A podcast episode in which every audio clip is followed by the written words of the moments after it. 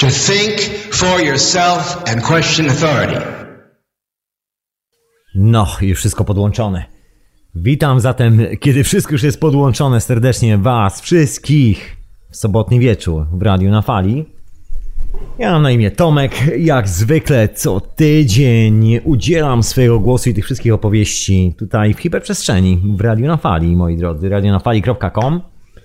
Pozdrawiam wszystkich e, mecenasów Radio na Fali, Pisanow kochani, wielkie dzięki za wspieranie radia i w ogóle bycie, proszę Państwa, serwery opłacone, wszystkie sprawy pozałatwiane. Jeszcze w międzyczasie jak zwykle dokręcam mikrofon. Wow, e, jak miło jest wszystko pozałatwiać, także dzięki wielkie mecenasi za wspieranie radyjka jeszcze raz. Pozdrawiam wszystkich e, słuchaczy online aktualnie będących gdzieś tam po drugiej stronie w słuchawkach albo przy głośnikach. Pozdrawiam oczywiście słuchaczy offline, czyli was. y, Nie wiem gdzie jesteście, moi drodzy, ale tak czy siak was serdecznie, serdecznie pozdrawiam. Mam nadzieję, że gdzieś przemierzacie jakieś miłe miejsce, jakąś miłą krainę i miło wam się sącze z prosto z głośnika, czy jakoś tak prosto ze słuchawek do uszu. To całą opowieścią. A dzisiaj w ogóle taki swobodny wieczór, tak czy siak. y, Także mam nadzieję, że spędzicie całkiem miło tą następną, nie wiem ile to jest, chyba półtorej godzinki jakoś tak, czy dwie godziny. Jakoś tak wszystkiego razem. Właśnie, jest prezent dla wszystkich mecenasów. Także przypominam, że w tym miesiącu staną rozlosowane i rozesłane do Was trzy tomy Carlosa Castanedy. Do każdego trafi coś innego. Jak będziecie chcieli kontynuować, to będziecie wiedzieli, jak to znaleźć. Za tymi prezentami stoi nie kto inny jak Grzegorz, który prowadzi podcast Czas Snu, na który w ogóle bardzo serdecznie zapraszam. I się pojawią dzisiaj premierowe odcinki wieczorowej porze, która jest po hiperprzestrzeni. Także zapraszam Was bardzo serdecznie, żebyście sobie zrobili jakąś kawkę, może herbatkę i posiedzieli z tym radiem, jak się Wam nigdzie nie śpieszy, jak nie macie nic do roboty w ten piękny sobotni wieczór, żebyście tutaj po prostu się przebujali razem ze mną. Także zapraszam na wieczorową porę po hiperprzestrzeni. No i zapraszam oczywiście na Twittera radiowego, na Facebooka radiowego. No i pozdrawiam wszystkich słuchaczy Radia Paranormalium, które też retransmituje hiperprzestrzeń. Także peace and love, kochani. A przy okazji jeszcze zapraszam e, wszystkich słuchaczy, miłośników tematów UFO. Dzieje się ciekawa rzecz na Radiu Paranormalium już od jakiegoś czasu, debaty ufologiczne. Ja to się czasami przyznaję cichaczem, że podsłuchuję. Jasne, że podsłuchuję. Ostatnio nawet Michał tam się pojawił. Także zapraszam moi drodzy, jakbyście się nudzili jutro. To jest taka ciekawa opcja w polskim internecie na temat UFO. I jeszcze przy okazji w ogóle tutaj pozdrawiam, wykorzystuję tą okoliczność na pozdrowienia. Pozdrawiam Zalwita bardzo serdecznie. Jednego z lubianych przeze mnie wideoblogerów chyba. Pozdrawiam serdecznie, proszę pana. No i co, moi drodzy? Dzisiaj taki bardzo swobodny temat, troszkę o znaku czasów. Postanowiłem, że po tym maratonie związanym z tematem Quadridium, tą opowieścią o tym, jak jest zbudowany świat według naszych przodków i jak jest zbudowany, no nie tylko według naszych przodków. Anyway, te wszystkie historie, które wam opowiadałem właśnie na temat czwórki, koła, krzyżyka i wszystkich tych historii, myślę, że dzisiejsza audycja będzie takim właśnie zebraniem już wszystkich tych ostatnich wątków do kupy, ale już takim bardzo luźnym, bardzo swobodnym. Niech temat sobie spokojnie odparuje, ja się w ogóle muszę rozgadać jak zwykle przed tym mikrofonem. Zrobi się nostalgicznie, nie no, żartuję sobie. Nostalgia to w ogóle jest troszeczkę coś innego. Ale dzisiaj będę nawiązywał do nostalgii, bo żyjemy w takich troszkę nostalgicznych czasach, jak mawiał Marshall McLuhan. Taki bardzo cenny dla mnie filozof amerykański z lat 60., 50., 70. Bardzo cenna postać, myślę, wrzucająca bardzo cenne refleksje do tej rzeczywistości. Postać, o której często wspominał Terence McKenna. Polecam jednego i drugiego dżentelmena. Obydwiema ręcyma polecam i nogyma. No i Marshall McLuhan kiedyś powiedział, że imitujemy naszą wolność, że nasza nostalgia to jest właśnie tęsknota za utraconą wolnością i że ta imitacja wolnych wyborów, która nas otacza dookoła, jest niczym więcej jak właśnie ową nostalgią. Taka, wiecie, iluzja wolnych wyborów, nowego modelu telefonu, nowego produktu zamiast nowej drogi życia itd., itd. Takie substytuty troszeczkę i że one nas prowadzają w taki bardzo nostalgiczny charakter. No jako, że czas zmian, opowiedziałem o tych wszystkich kwadropolarnych historiach, o tym jak wygląda cała konstrukcja od zarania dziejów, o czym nam się nie mówi. Dzisiaj, tak jak wspomniałem, będę zbierał wszystkie te wątki do kupy, będę się tutaj rozkliwiał nad kilkoma refleksjami dookoła tych tematów, nad czasem przejścia, znaki czasu, moi drodzy. Właściwie to powinien powiedzieć znak czasu, a żyjemy w naprawdę niesamowitym momencie historii tej planety, historii kosmosu. To jest taki fenomen swoją drogą. Skype do radia to oczywiście radionafali.com. Mam nadzieję, że dzisiaj się odezwiecie, będziecie troszkę bardziej życzliwi. Towarzyscy chciałem powiedzieć, życzliwi na pewno jesteście. Także mam nadzieję, że dzisiaj bardziej towarzyscy i się dzisiaj podzywacie swoimi refleksjami. Coś ostatnio widzę refleksje zamilkły, zamilkły i snów tak mało przychodzi. Ja nie wiem co się dzieje, może lato, może wszystkich was wygnało na jakieś łąki. I zamiast spisywać te sny, zamiast się, się zastanawiać nad tym, doświadczacie tego w praktyce. Kto wie, wiosna nadeszła, wszystkie rzeczy są możliwe, a tymczasem, jak zwykle na samym początku, zanim się rozgadam, zanim rzucę wszystkie te swoje refleksje, które dziś mi latają po głowie, zatem moi drodzy, zaczynamy jak zwykle od muzyczki. A ja wracam po muzyce, wysłuchacie hiperprzestrzeni w radiu na fali, a ja na mnie Tomek, a to wszystko jest też retransmitowane w radiu Paranormalium. Tadam!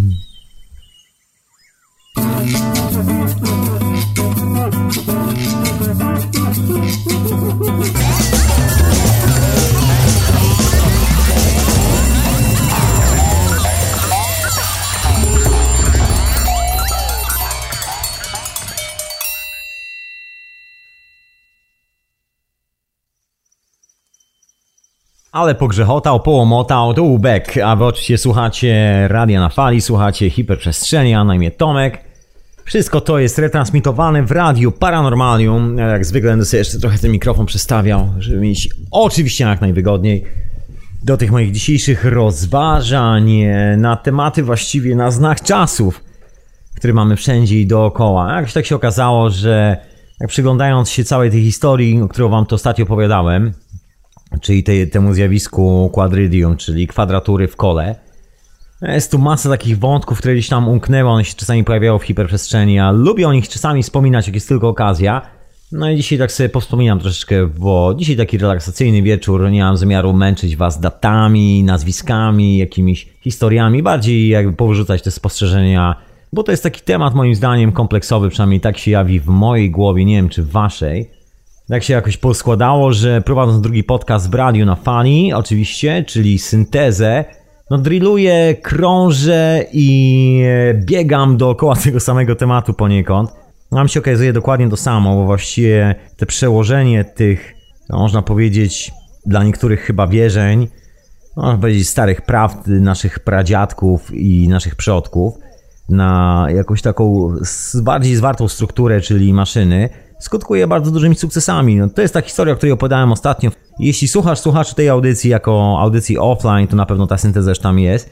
I tam y, wziąłem się za bary z jednym takim ciekawym pomysłem, no, opowiadając jakąś tam historię, ale mniejsza o to, to jak chcę wam się posłuchać, to zapraszam was do tamtej syntezy, żebyście sobie posłuchali o co chodzi, bo tam jest trochę tematów technicznych, jest jakaś historia opowiedziana, ale ja tu chcę zostawić te wszystkie wątki, bo to nie to miejsce i nie ten podcast. Chciałem nawiązać do tematu, który jest no, związany z tamtą historią, ale tak czy siak funkcjonuje jako coś samodzielnego w sobie. Czyli to nasze położenie jakby cywilizacyjne. To, że mamy kawał fajnej wiedzy, możemy z niej skorzystać, możemy coś z tym konkretnego zrobić, możemy właściwie powyłączać wiele tych toksycznych spraw ze swojego życia. No i się okazuje, że jak na ironię, albo coś bardzo szybko zamienia się w kult cargo, albo bardzo szybko zamienia się w jakiś taki korporacyjny, materialistyczny byt, no generalnie żyjemy na połączeniu dwóch światów, to jest taka moja teologia, którą ja tam sobie w głowie, że tak powiem, poukładałem. Nikt oczywiście nie musi się z tym zgadzać. No każdy z nas widzi świat po swojemu. No ja mam to swoje widzenie świata, takie, w którym nie ma miejsca za bardzo na dualizm. I tak wracając do Marshalla McLuhana i jego powiedzonek, on w ogóle miał ale nie masę celnych powiedzonek. Jedną z takich genialnych moim zdaniem to to, że ta cywilizacja próbuje prowadzić samochód do przodu z zawrotną prędkością, przyciskając pedał gazu do oporu, używając do tego wstecznego lusterka. I dokładnie tak wyglądamy. Po prostu próbujemy pędzić przez coś, oglądając się nasze wsteczne lusterko. I to jest taka troszkę choroba, która nam się przypamiętała. Jak tak się spojrzymy na te wszystkie historie, no to to to jasno i wyraźnie widać. Jeszcze ten moment przejścia tych gwiazd, przejścia w ogóle z jednego momentu do drugiego, który właśnie towarzyszy całemu kosmosowi. Ta historia, o której wam tutaj opowiadałem w poprzednich hiperprzestrzeniach, to, że się dzieje naprawdę wiele na różnych planetach, że nie jest to tylko tak, że to są jakieś sprawy związane z czysto i wyłącznie materialnym bytem ludzi na Ziemi, że ktoś, nie wiem, zbudował jakąś maszynę, zaplanował serię katastrof i tak dalej, i tak dalej. Na pewno są takie historie. To normalne jest to, że armie i różne takie zacne, w cudzysłowie bardzo dużym, organizacje mają dostęp do różnych dziwnych technologii i na pewno posiadają taką technologię, którą między innymi mogą wpływać na pogodę, mogą wpływać na kilka innych zjawisk dookoła, ale wiadomo, że to wpływanie na te różne zjawiska dookoła jest takie, że nawet jeżeli wiemy, że możemy jak przycisnąć w którym miejscu, to nie wiemy, gdzie wyskoczy ta energia, która będzie przez to wyprodukowana. Czy przypadkiem nie będzie tak, że my kogoś kop kopniemy w plecy i sekundę później parę osób z kolei kopnie nas w plecy, bo ta siła wróci z takim mocnym odbiciem prosto do nas. Także tego nie wiemy. To są takie gry i zabawy współczesnej cywilizacji, która tak jak się bawi z atomem, tak się bawi z kilkoma innymi technologiami, nie zdając sobie zupełnie sprawy z tego, jakie są konsekwencje tego zjawiska. No i tu jest taka cała historia związana z tym, że część ludzi zakochanych jakby w takim bardzo materialistycznym poglądzie świata, albo widzącym wszędzie jakieś dalekie rządy, łapska, jakichś tajemniczych organizacji, które kierują dosłownie całym naszym życiem, tudzież, nie wiem, bytów z kosmosu i tak dalej, i tak dalej, i różne historie na ten temat. Generalnie chodzi po prostu o to, że jesteśmy ubezwłasnowolnieni że ktoś robi coś za nas. To jest ten słynny koncept, że Ziemia jest jakimś więzieniem i tak dalej, i tak dalej. Wszystkie te szalone, przynajmniej z mojego punktu widzenia, historie. A z drugiej strony mamy historię o tym, że jest tylko i wyłącznie materia, którą jesteśmy w stanie poznać, dotknąć, zważyć, zweryfikować w tak zwany obiektywny sposób, czyli cała ta, jak to się dzisiaj nazywa, współczesna akademicka nauka. Właściwie całe nasze doświadczenie, wszystkie te sprawy, które tworzą życie, wyglądają na to, że wylądowały pomiędzy jednym a drugim, bo jedni sobie wybudowali kościół ze swojej doktryny, ze swoich wiar, ze swoich różnych przekonań i będą tego bronić do końca swojego życia, drudzy dokładnie to samo. Jedni i drudzy myślę, że świetnie na tym zarabiają, bo jedni i drudzy stanowią taką doskonałą platformę do ucieczki dla każdego z nas. Gdyby się w okolicy pojawiło coś, że musimy podjąć jakąś ważką decyzję, zbudować coś, zorganizować, zrobić coś w taki sposób, w jaki jeszcze wcześniej nikt przed nami nie robił, przynajmniej nikt ze znanych nam obecnych tu w tej cywilizacji, że musielibyśmy wykonać jakiś gigantyczny zwrot, po angielsku jest takie ładne słowo, to się nazywa turn over, wrócić gdzieś, gdzie właściwie nawet nie wiemy jak jest. Poza tym, że oczywiście mamy gdzieś to w sobie, nosimy i wiemy, że jest taki świat, jest, jest i to jest ten prawdziwy świat, bo właściwie wszystkie te zasady związane z funkcjonowaniem tej energii dookoła nas jasno i wyraźnie mówią, że ten świat jest, że te wszystkie magiczne rzeczy są, że to wszystko naprawdę funkcjonuje tak, jak funkcjonuje. Nauka to też potwierdza, chociaż to, tak jak wspominałem, robi to kompletnie naokoło i stara się to potwierdzić w taki sposób, żeby temu automatycznie zaprzeczyć, żeby potwierdzić swoim własnym teoriom. Jeżeli one się gdzieś tam zgadzają z naturą, to bardzo dobrze, jeżeli nie, to próbują przestawiać naturę. No i bywają różne takie sytuacje, które z tego wynikają. Pierwsza sytuacja to takie kompletne pomieszczanie określenia miejsca chyba, w którym jesteśmy. Tak nie na darmo wspomniałem o tych wszystkich rządach, długich ręcach, tajemniczych organizacji i dziwnych urządzeniach, bo jest kilka na przykład takich ciekawych spraw, w tym temacie, jak wygląda to po prostu w praktyce, przynajmniej jak można to potraktować. Ja oczywiście nie mam tu żadnych twardych, dymiących dowodów w ręku, tak nie pokażę wam żadnej dokumentacji na ten temat, są tylko i wyłącznie moje przypuszczenia, ale było kilka takich dziwnych trzęsień ziemi na świecie, takich naprawdę bardzo dziwnych, gdzie nie było ani żadnych płyt tektonicznych, ani żadnych e, wulkanów, no nic, co mogłoby spowodować, że takie zjawisko jak trzęsienie ziemi następuje. Jednym z takich miejsc jest Haiti. I tam się wydarzyło takie trzęsienie ziemi. Się okazało, że infrastruktura rządu amerykańskiego, a dokładnie amerykańskiej armii jest tak doskonale zorganizowana, że w ciągu dosłownie trzech dni zajęli wolne, demokratyczne państwo o nazwie Haiti. I teraz to państwo jest cały czas dalej, chyba 4 czy 5 lat mija pod okupacją amerykańską, taką dosyć dosłowną. Tam są już bazy wojskowe i tak dalej, i tak dalej, wszystkie te historie. No i to było takie dziwne trzęsienie ziemi. A z drugiej strony mamy trzęsienia ziemi, które są kompletnie nieobliczalne, które potrafią na przykład walnąć gdzieś w okolicach uskoku tektonicznego w Fukushimie. Jest taki koncept, który mówi o tym, że tak jak my przyciśniemy ziemię w jakimś miejscu, to tak samo ona troszeczkę odda w drugą stronę. Czyli jeżeli my wzbudzamy sztucznie jakiś rezonans, to ten rezonans będzie musiał się rozładować, a jedyne rozładowanie tego rezonansu, ponieważ jest nienaturalny dla tej planety, to jest taki dodatkowy ładunek energetyczny i ten ładunek załadowany w tą ziemię musi z powrotem z niej wyskoczyć. To jest troszeczkę jak, Jak my wchodzący do wody, no zawsze jest ten moment, że musimy z tej wody wyjść. Gdzieś na jakimś brzegu wypłynąć z tego jeziora. I nikt nie wie na jakim brzegu to się wydarzy, gdzie właściwie z tego jeziora wypłyniemy. No trochę jak z takim życiem w oceanie, nie wiadomo na którym brzegu wyjdzie pierwsze i kogo zje pierwszego, ten krokodyl, który wyjdzie z oceanu. Nikt tego nie wie, nikt nie ma bladego pojęcia, nie ma właściwie żadnego modelu, który mógłby to szacować i mógłby dawać nawet jakąś iluzję tego, że kiedykolwiek wpadniemy na pomysł, że akurat jak przyciśniemy w tym miejscu, to w tamtym miejscu wszystko wleci w powietrze. No poza oczywiście takimi bombami, które konstruujemy, że wiemy, że jak tu przyciśniemy, tam na pewno wleci w powietrze, bo są ku temu druty, specjalne kable, komputery, połączenia i sztab ludzi, który nad tym czuwa, żeby właśnie tak się wydarzyło. No a tak poza tym to właściwie nie wiemy zbyt wiele. No jest kilka takich koncepcji związanych właśnie z tym, że na świecie dzieje się teraz e, tak bardzo dużo rzeczy, chociażby począwszy od aktywności sejsmicznej, aktywności wulkanicznej, tych dziwnych anomalii pogodowych. Pierwsza koncepcja zakłada, że to wszystko jest oczywiście efektem i działaniem Illuminati lub temu podobnych organizacji. Ja bym nazwał po prostu bezpośrednio, tak prosto z mostu. Chodzi mi o Fundację Rockefellera i wszystkich cwaniaków, którzy się czają za właśnie drzwiami owej fundacji, wszystkimi dziwnymi badaniami wykorzystywanymi przez armię i niecne rządy i innych takich cwaniaków. No i jest taka ślepa wiara, że właśnie Fundacja Rockefellera, tudzież e, temu podobni ludzie odpowiadają za wszystkie te katastrofy. A ja myślę, że tak nie jest. Inna sprawa, że dowodów na to mamy masę. No i teraz jest pytanie, czy te dowody pozwolą nam zobaczyć siebie w tym rzeczywistym miejscu w kosmosie. Zobaczymy te wszystkie siły, które oddziaływują i nie będziemy zachowali się jak banda głupków, która stwierdziła, że to wszystko jest zależne od nas, że to tylko my i para innych wariatów, którzy mieszkają na tej samej planecie, tak naprawdę robi wszystkie te wydarzenia. To jest taka troszeczkę ignorancja. Wydaje mi się, że my po prostu nie zdajemy sobie sprawy, jak potężna jest mama natura, jak potężny jest ten ekosystem, że to nie jest tylko wyłącznie jedna planeta, że ten ekosystem jest kosmiczny i tak dalej, i tak dalej. No ale normalne jest to, że nas się o tym wszystkim nie uczy.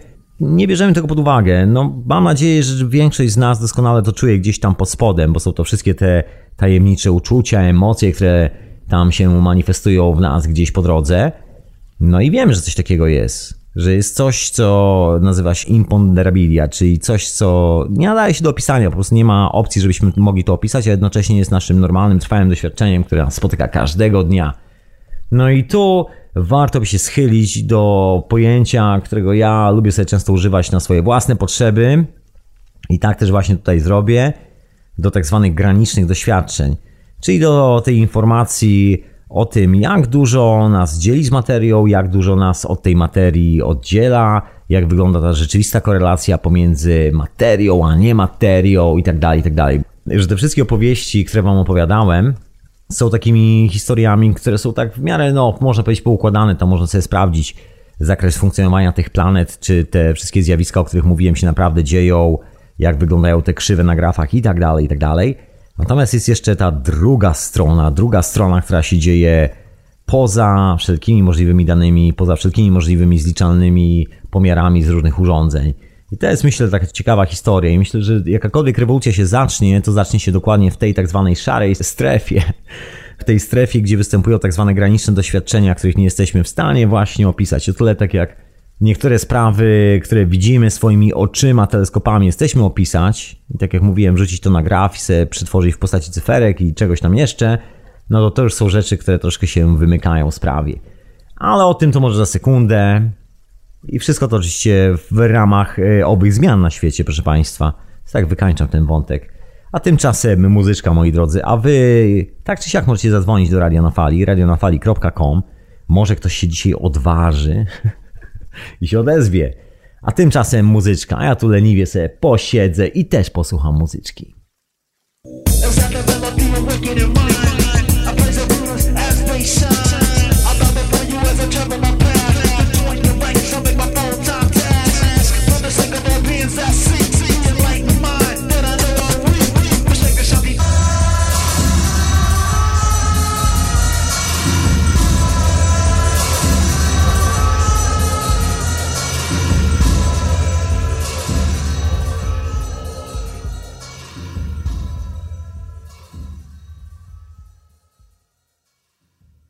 Radio na fali, hiperprzestrzeń, a Skype do radia to oczywiście radionafali.com. Jeżeli jesteście odważni i chcecie się odezwać, to zapraszam serdecznie, bo ja dzisiaj sobie Układam e, wszystkie te wnioski po quadridium, bo troszkę o tym się nagadałem ostatnio i w hiperprzestrzeniach, i w jednym odcinku syntezy, także dzisiaj zbieram to wszystko do kupy i wyrzucam wszystkie te brakujące elementy, które gdzieś tam się nie zmieściły po drodze. I głównie swoje refleksje, moi drodzy, także jeżeli macie jakieś refleksje na ten temat, to myślę, że idealny wieczór, żebyście po prostu się dzwonili, wpadli i się podzielili tymi refleksjami. No właśnie, bo co z tą nostalgią i Marszałem McLuhanem, od którego zacząłem dzisiaj swoje mgliste wywody. Marshall McLuhan, tak jak wspomniałem, miał to fajną e, refleksję, że żyjemy w czasach, gdzie po prostu króluje, panuje nostalgia na świecie. Taka centralna nostalgia. Jak e, zobaczyć tą nostalgię, bo my możemy jej po prostu nie widzieć z naszej perspektywy, bo wszyscy jesteśmy założeni w tym samym, także wydaje nam się, że to już nie jest to, to już jest coś zupełnie innego. No a tymczasem e, ta nostalgia, moi drodzy, to jest nostalgia za wolnymi wyborami, ale takimi prawdziwymi wyborami życiowej drogi i dzielenia się swoimi własnymi doświadczeniami z innymi ludźmi. To jest ta nostalgia i cenę braku owego wolnego wyboru, rzeczywistego wyboru, który powinniśmy mieć jako normalne, żywe istoty, jaki mają na przykład ptaki, konie, no konie może nie, bo konie są hodowane dzisiaj w zagrodach, chyba że są jakimiś dziko żyjącymi istotami, to wtedy tak. Natomiast praktycznie no nie, ma, nie ma czegoś takiego jak pojęcie wolności w dzisiejszych czasach, jakikolwiek wolny wybór e, życiowej drogi. Jest kilka opcji teoretycznie, które nam się opowiada, no ale jedyny wybór, który mamy, to jest e, nowy model e, produktu, który nam imituje naszą nową drogę życiową. Zauważyliście kampanie reklamowe, które mówią, że z tym produktem poczujesz, jakbyś się narodził na nowo i tak dalej, i tak dalej. Wszystko właściwie jest taką imitacją, imitacją jakiejś dużej zmiany w naszym życiu, bo normalne jest to, że każdy z nas ma w życiu wydaje mi się kilka takich dużych zmian, to co jakiś czas nas spotyka. Jest to normalne zjawisko, takie powiedziałbym elementarne, bez niego po prostu życie się nie odbywa. Począwszy od pierwszego upadku na rowerze, pierwszej miłości, pierwszego rozstania z sobą miłością, pierwszej śmierci kogoś bliskiego i tak dalej, i tak dalej, i tak dalej. Te wszystkie tak zwane graniczne doświadczenia. No ja to tak nazwałem, zaczynam swoje potrzeby w życiu, że są graniczne doświadczenia, bo doprowadzają nas do takiej granicy, że zawsze wierzyliśmy, że kontrolujemy wszystko w naszym życiu, że mamy mniej więcej wszystko poukładane i dochodzimy do tej granicy niemocy, że nagle widzimy, że właściwie jesteśmy nikim i niczym w rękach owych magicznych sił. Jesteśmy niczym greccy podróżnicy, którzy podczas swojej Odysei byli miotani siłami bogów po oceanie w jedną i w drugą stronę. No i przetrwali. I my troszeczkę właśnie tacy Odyseusze jesteśmy. No i to jest to graniczne doświadczenie, które nas kompletnie czasami rozwala. To różnie to wygląda. Niektórzy z nas mają taki lęk w sobie przed tym doświadczeniem, no bo dorastamy w takim świecie, gdzie to doświadczenie jest traktowane jako zupełnie potrzebne, jako jakieś kompletne szaleństwo i w ogóle znak choroby psychicznej. Generalnie lepiej, żebyśmy panowali w 100% nad naszą rzeczywistością, wtedy wszystko jest ok, wtedy teoretycznie ten świat czuje się z nami bezpiecznie, bo my jesteśmy w stanie wykonać jego każdy rozkaz lub coś ten deseń. Na graniczne doświadczenie rozwala to wszystko kompletnie w pył, nagle się okazuje, że świat, który znaliśmy do tej pory, nagle się skończył. Doszliśmy do pewnej granicy, która zawsze była dla nas końcem wszystkiego. Zrobiliśmy nagle parę kroków do przodu i okazało się, że to nie jest koniec wszystkiego, to jest początek. No i ta nostalgia cywilizacyjna, którą mamy, ten bieg za nowymi modelami, te nowe trendy, te wszystkie historie, które nam się przydarzają w takiej masowej skali, jako tak zwanej społeczności, to jest właśnie objaw braku owej wolności, że w jakiś sposób no, ciągle staramy się sobie ją e, jakoś przytulić, zasymulować, skoro nie mamy jej w naturze. No bo pierwsza historia no, to jest związana chociażby z wolnym wyborem życiowej drogi. I oczywiście każdy z nas może sobie wybierać dowolnie drogę w swoim życiu i wszystko jest absolutnie ok. Aczkolwiek no, nie jest to takie łatwe zajęcie w dzisiejszych czasach. Słuchajcie, prosta sprawa polegająca na tym, że chcemy wstać i gdzieś pójść. Jeżeli zaczniemy iść i będziemy szli tak na opartego przed siebie, a nie mieszkamy na wyspie, dojdziemy do prawdopodobnie jakiejś rzeki. Po drugiej stronie tej rzeki ludzie będą mówili in, troszeczkę innym językiem i się okaże, że wymagają od nas jakiegoś dokumentu. Także nie możemy ruszyć gdzieś w podróż przed e, siebie, tak zwyczajnie, z własnego wyboru. W ogóle jesteśmy tacy dosyć, że tak powiem, poukładani w tym wszystkim. Wolności w tym e, za grosz.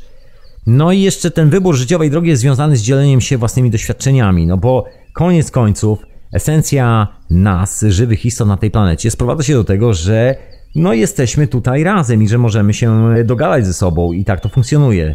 Gdybyśmy byli z takimi zatomizowanymi jednostkami, no to byśmy nawet nie mieli komu powiedzieć, że jesteśmy zatomizowanymi jednostkami, że jesteśmy tacy, tacy sami. No i w tym momencie cały sens tego, że jesteśmy sami by się kompletnie kończył. Także jest to taki paradoks, z którego czasami wielu z nas nie chce sobie zdać sprawy, że jesteśmy tu po to, żeby funkcjonować ze sobą, a nie wręcz odwrotnie, żeby funkcjonować tylko i wyłącznie dla siebie. No i ta nostalgia cywilizacyjna jest właśnie tym workiem utraconej wolności, który gdzieś jest schowany pod łóżkiem i czasami wieczorem odsupujemy kawałek tego worka, tej kawałek tej wolności wyleci i czujemy nostalgię, co by było, gdyby cały świat był wolny. Na nasze doświadczenia, na nasze doświadczenia to jest chyba, myślę, taki kluczowy moment tej całej nostalgii cywilizacyjnej, można tak to nazwać. Z prostego powodu, tak mi się wydaje przynajmniej. Mianowicie, szczególnie w tych czasach, które aktualnie się dzieją, Mamy różne dziwne sny, zauważyliście? No nie wiem jak wy, ale ja naprawdę mam potężne sny w ciągu ostatnich czasów. I myślę, że jest to związane dokładnie z tym momentem przejścia. Wielu ludzi ma takie historie. Wielu psychologów opowiada bardzo ciekawe historie na temat swoich pacjentów. No dzieje się troszeczkę. Dużo ludzi wariuje i to nawet dosyć mocno widać. Świat troszeczkę oszalał i to też e, nie trudno zauważyć.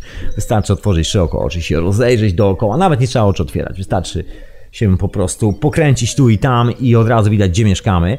Cokolwiek by nie mówić, jakiekolwiek doświadczenia, które wymykają się spoza tych dwóch paradygmatów, o których wcześniej wspominałem, czyli albo tego, że budujemy swój własny kościół i jakąś własną szaloną teologię, albo że mm, powierzamy wszystko materii. Jeżeli nasze doświadczenie gdzieś parkuje pomiędzy tymi stanami, a zawsze jest tak, że parkuje pomiędzy tymi stanami, bo taka jest jego natura, nagle się okazuje, że właściwie nie ma gdzie się tym za bardzo zdzielić.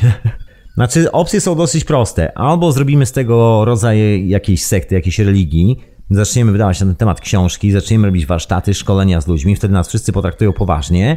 Albo zaczniemy robić jakieś przedmioty i zaczniemy też je sprzedawać. Granie, cokolwiek byśmy nie robili, jakąkolwiek aktywnością byśmy się nie wykazali, musi się nas prowadzić do przekucia na twardą materię. To jest właściwie chyba ta jedyna opcja, która funkcjonuje dookoła i w sumie jest to naturalna opcja, bo normalne jest to, że każda intencja, żeby zadziałała, musi zostać przekuta na działanie i jest to taka starodawna, odwieczna prawda cywilizacji, znana ludzkości od kiedy ludzkość istnieje na, na tej planecie. W sumie nic e, nowego, ale w naszej wersji mocno wykręcone, bo u nas nie sprowadza się do zrobienia czegoś, co jest, co jest po prostu zrobieniem czegoś dla kogoś, tylko sprowadza się do zgromadzenia pewnej ilości przedmiotów. Jest taka ciekawa postać, właściwie była taka ciekawa postać w historii ludzi, którzy szukali nowego kościoła w swoim życiu, jakkolwiek by to nie nazywać. Był taki gentleman, który się nazywał Sai Baba. Nazywał siebie świętym człowiekiem. No świętym człowiekiem za bardzo nie był. No, był chyba bardzo daleko od tego świętego.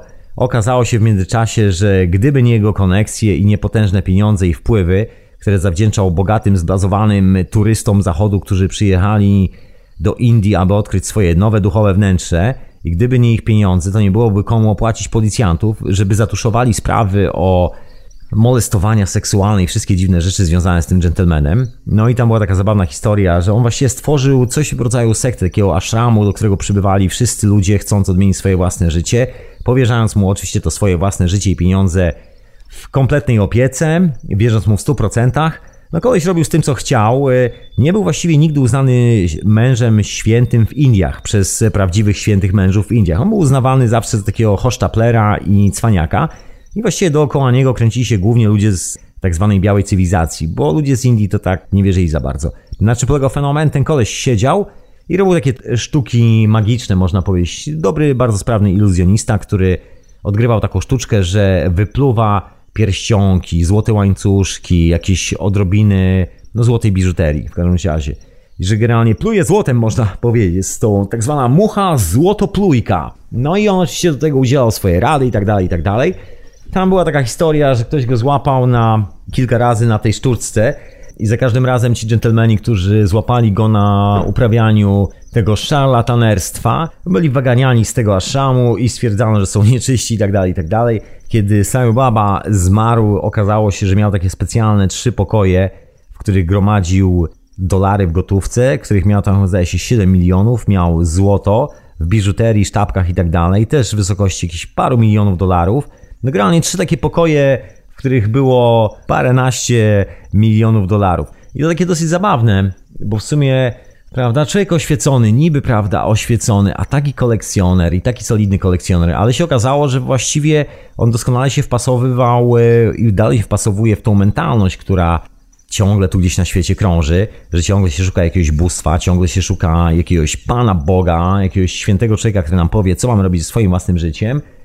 No bo właściwie nie mamy zbyt dużo wyboru, moi drodzy. To jest ta nostalgia, o której Marshall McLuhan mawiał że właściwie nie możemy się podzielić tym swoim e, niewerbalnym, e, pozazmysłowym, pozaopisywalnym doświadczeniem, tym swoim kosmicznym doświadczeniem za bardzo, no bo nie ma gdzie, no bo tak, jak nie chcemy przekuć na kasę, no to ci nas nie przytulą. Drudzy, którzy właściwie nawet może nie tyle dla kasy, ale dla jakichś innych względów też nas nie przytulą, bo tam też musi być jakaś twarda materia, a to jest wszystko gdzieś zupełnie z boku tego wszystkiego, tej zabawy z jednej, e, z lewej i prawej strony nagle lądujemy gdzieś po środku. Jest trochę jak z tym urządzeniem, o którym właśnie opowiadałem w ostatniej syntezie, że wybudowano urządzenie i się okazało, że followersi, czyli ci, którzy podążają za tymi odkryciami, uwierzyli w cudowną moc boskości tego nieskończonego urządzenia i tak jak tysiące lat wcześniej ktoś uwierzył w krzyżyk i jego cudowną moc, tak jak w gwiazdę Dawida, tak jak w półksiężyc, wiele innych rzeczy, nagle urządzenie techniczne stało się przedmiotem kultu właściwie. Taka kultura cargo, proszę Państwa. Zabawne, zabawne i to dzieje się na naszych oczach, dzieje się do dzisiaj. To nie jest tak, że to jest coś, co już mamy za sobą, że, dorośliśmy do tego, żeby zrozumieć o co w tym wszystkim chodzi, bo już mamy książki, mamy wszystkich tych mądrych ludzi, którzy to opisali, mamy doświadczenia, mamy eksperymenty, mamy całą tą wiedzę, ale jak się okazuje, wcale za bardzo nie chcemy z tej wiedzy korzystać. Jest troszeczkę jak z tymi ludźmi, którzy jeździli do Saobaby po to, żeby zmierzyć się ze swoim własnym duchowym wnętrzem gdzie byli obrabiani praktycznie z całej kasy, musimy oddać praktycznie wszystko, co mieli. No i właściwie to był koniec tego biznesu i nic z tego nie wychodziło. Za bardzo chyba. Chociaż może komuś coś wyszło. I don't know. To już indywidualne historie. No ale mniej więcej tak to wygląda, że wszystko się sprowadziło do takiej bardzo prostej e, zabawy. Mamy wszystkie te zabawki, mamy to wszystko pod ręką, a dalej nie chcemy tego masowo użyć, bo się boimy, że no nie wiem, złamiemy jakiś tabu, że coś się wydarzy. No ja wiem, czego się boimy. Boimy się owego granicznego doświadczenia. Boimy się, że przekroczymy ten magiczny próg, który w naszej definicji sobie zbudowaliśmy, ten próg, który zamyka i kończy rzeczywistość, w której powinniśmy jako istoty żywe funkcjonować. Jeżeli zrobimy ten krok dalej, nie, nie, nie róbmy tego kroku, możemy się dowiedzieć zbyt dużo rzeczy. Trochę jak z odkrywaniem Ameryki, o której wszyscy doskonale widzieli, wszyscy królowie w Europie, ale nikomu się nie śpieszyło do tego, żeby tam płynąć, bo nikt do końca nie widział jaka jest sytuacja polityczna i nikt nie wiedział, czy nie będzie tak, że jak tam popłynie, to oni przypłyną do Europy, zrobią taki łomot, że skończy się biznes w Europie i trzeba będzie zostać niewolnikiem jakichś koleś, którzy przypłynęli z drugiej strony. Ale wtedy, kiedy zebrano armię, okazało się, że tamtych można sklepać, no to z tamtych zrobiono niewolników. Podobnie jest w nauce, słuchajcie. Te postacie w nauce ich followersi tak zwani, którzy zapomnieli skąd się wzięło doświadczenie owych mężów, którzy stworzyli tę naukę, doświadczenie owych odkrywców za którym tak wytrwale pożądają. To jest dokładnie ta sama historia. Po prostu wszyscy już zapomnieliśmy. Chociaż te historie są tak znane, tak oczywiste, no ale tak niechętnie, że tak powiem, pilnowane przez nas, żeby w ogóle mieć je na uwadze czasami i podrapać się po głowie i zastanowić, czy naprawdę tędy droga. O la proszę Państwa, się zebrało tego trochę, się zebrało tej nostalgii naszej cywilizacji za tym utraconym, wolnym wyborem e, świata naszych przodków się zebrało. To posłuchajmy muzyki, moi drodzy, tymczasem. Ja tu dzisiaj się tak bardzo refleksyjnie dzisiaj rozwodzę w tej hiperprzestrzeni i jakaś relaksacyjna muzyka na te relaksacyjne rozwodzenie się nad tymi tematami.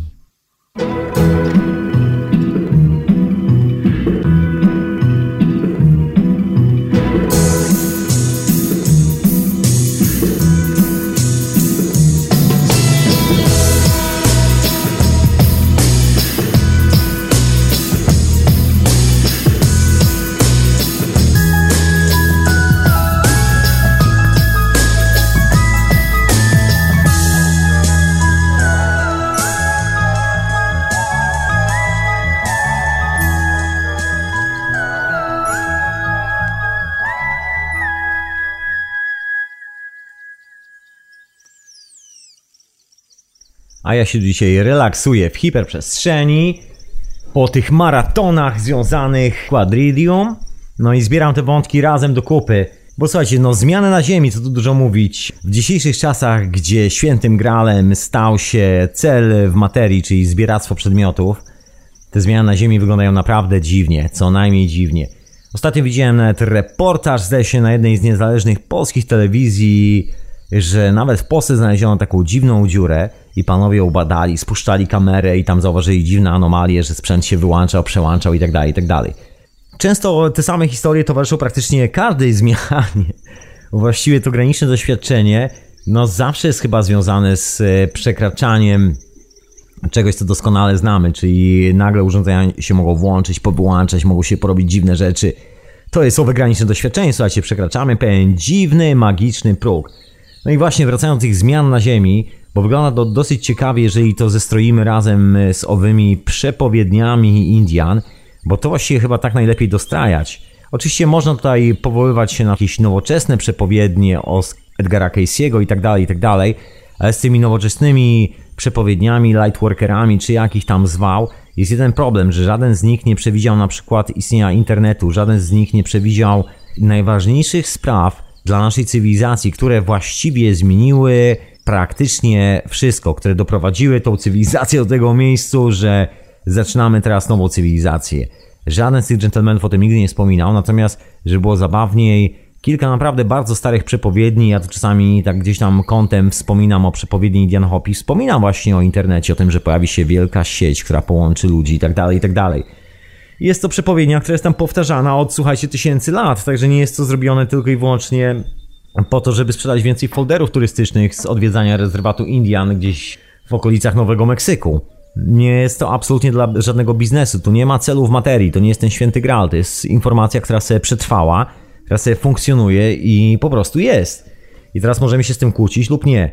I tam są bardzo ciekawe historie, no związane właśnie z tym e, naszym doświadczeniem, że właściwie cała ta zmiana, że wszystkie te historie związane z planetami, tymi kosmicznymi falami, które właśnie teraz docierają do centrum galaktyki, już właściwie wywołało ponoć pierwsze tsunami. Chyba dwa dni temu pojawił się bardzo ciekawy news, kosmiczne tsunami chciałem powiedzieć, okej, okay, może nie będę motał, powiem od początku do końca.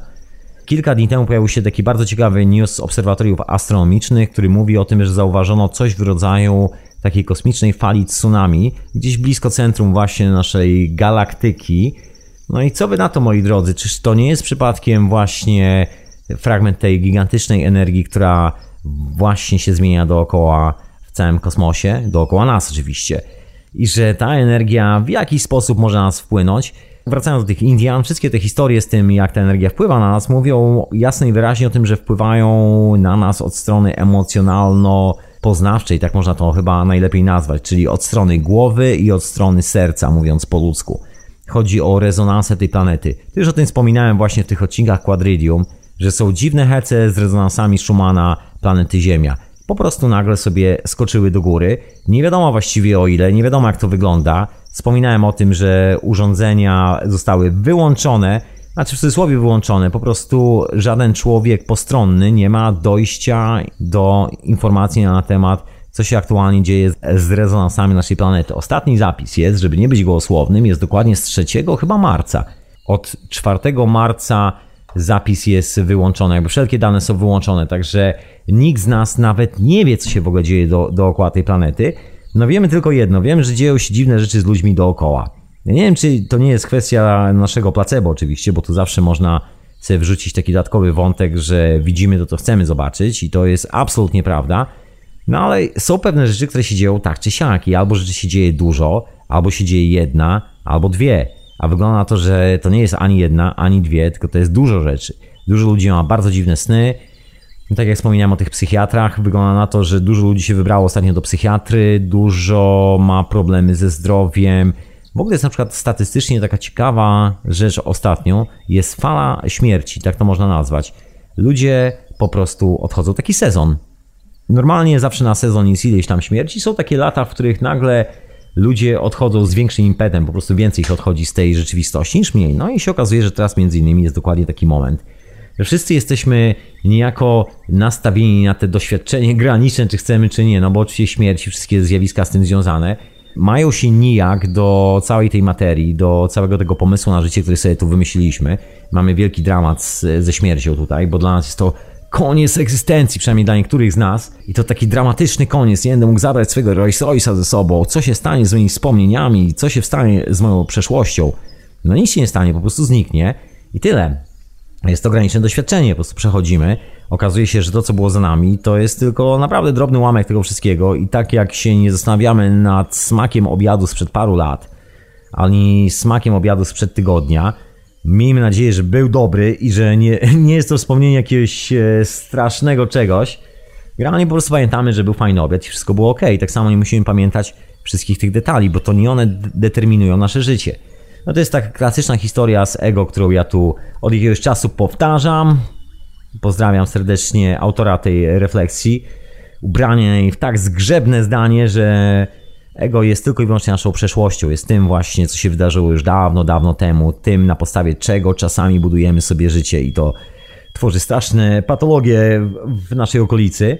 No taka normalna rzecz, tak mi się wydaje. Tak samo jest z tą przyszłością. Ta przyszłość też nie istnieje, to też jest takie mocno wirtualne planowanie czegokolwiek. No a tu zostaje tylko w ograniczone doświadczenie. się okazuje, że cokolwiek e, jest, tak namacalnie tu i teraz, no to jest właśnie to niepoznawalne, to nie wiadomo co. No i wracając ponownie do tych szalonych Indian i tych wszystkich przepowiedni, no jasno i wyraźnie mówią, że jest to właśnie, tak jak wspomniałem, związane i z naszym sercem, i z naszym mózgiem. Czyli, że sprawa wydarzy się w zupełnie innym miejscu niż potencjalnie planowaliśmy to jako cywilizacja, wymyślając sobie różne scenariusze na ten moment przejścia. Bo oczywiście ta nostalgia w nas cały czas jest. ja, tu, ja tu twardo się zaparłem na refleksję Marszala McLuhana. Naprawdę twardo dzisiaj.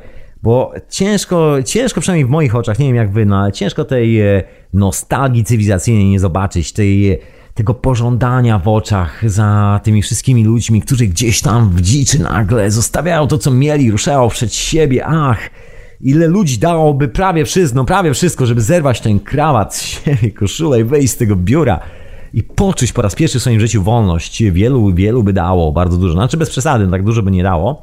Gdyby naprawdę chcieli dać dużo, to już dawno wyszliby z tego biura.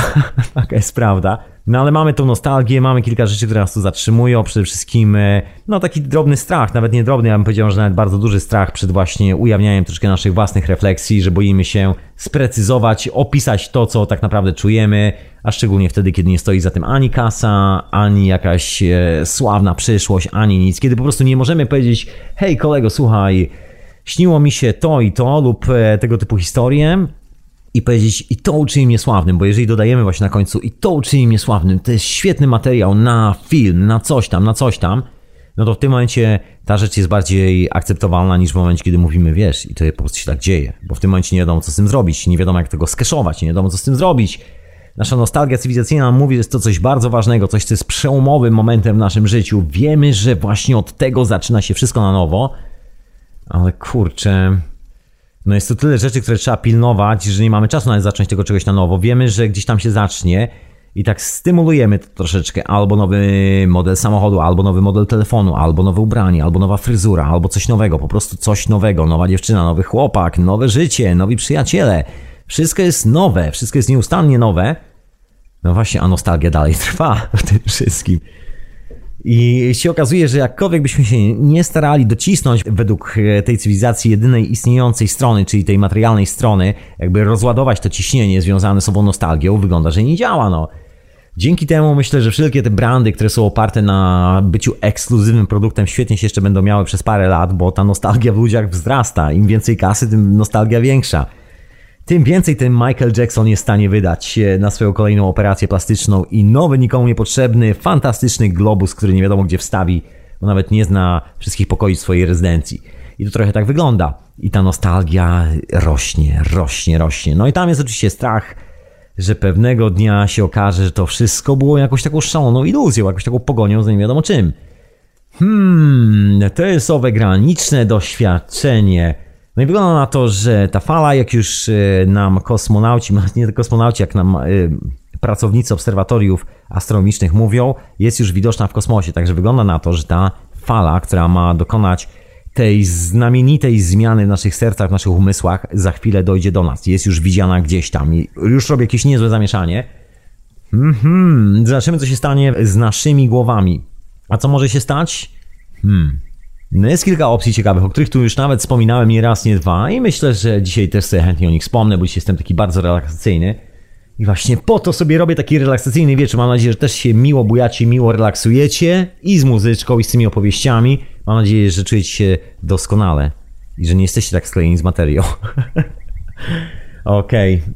No to wygląda na to, że cała ta historia się, tak jak wspomniałem, właśnie odbędzie gdzieś e, z naszymi emocjami w naszym umyśle. Cała zmiana na Ziemi i myślę, że ona już się dokładnie w tym miejscu odbywa. Ciekaw jestem, jak mocno to będzie ewoluowało z czasem, bo to, o czym powiedziałem, czyli te rzeczy, które nas czekają, takie troszkę nieprzewidywalne z tego punktu widzenia, czyli na przykład telepatia. Bardzo poważna zmiana. Nagle może się okazać, że całe te centra sprawdzania komunikacji i e, kontrolowania populacji właśnie informacją, nagle szlak trafi w ciągu łamka sekundy. I myślę, że to już się powoli dzieje.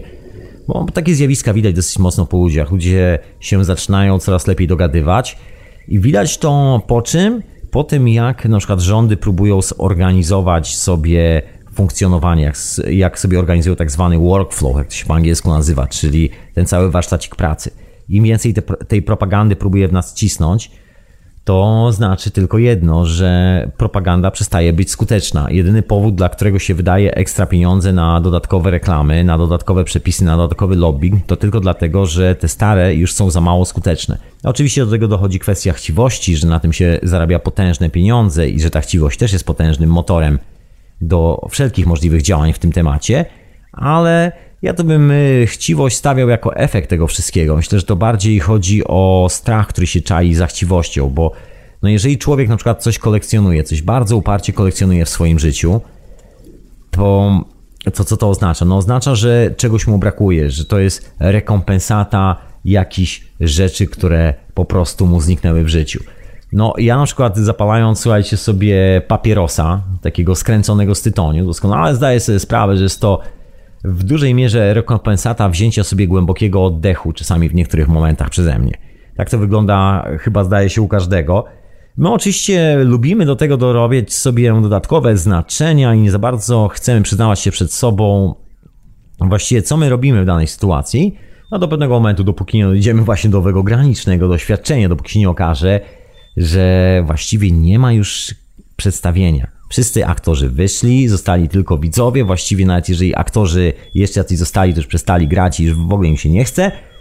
I nagle stoimy, scena jest pusta, no i musimy się jakoś zorganizować. I to jest chyba ten moment organizacji, dlatego tak nas cisną te wszystkie dziwne, tajemne stowarzyszenia i rządy i różni wariaci. No bo też y, podświadomie myślę, że oni tak samo jak my, wszyscy to czujemy, że nadchodzi koniec starego świata, koniec świata, który znaliśmy, że te graniczne doświadczenie, to przekroczenie tego progu, który sobie podpisaliśmy, że to jest koniec naszej rzeczywistości, to jest ta ostateczna definicja, która zamyka wszystko i nikt tak naprawdę nie wie, co za tym progiem się wydarzy, co nas tam czeka, jak wygląda świat z drugiej strony.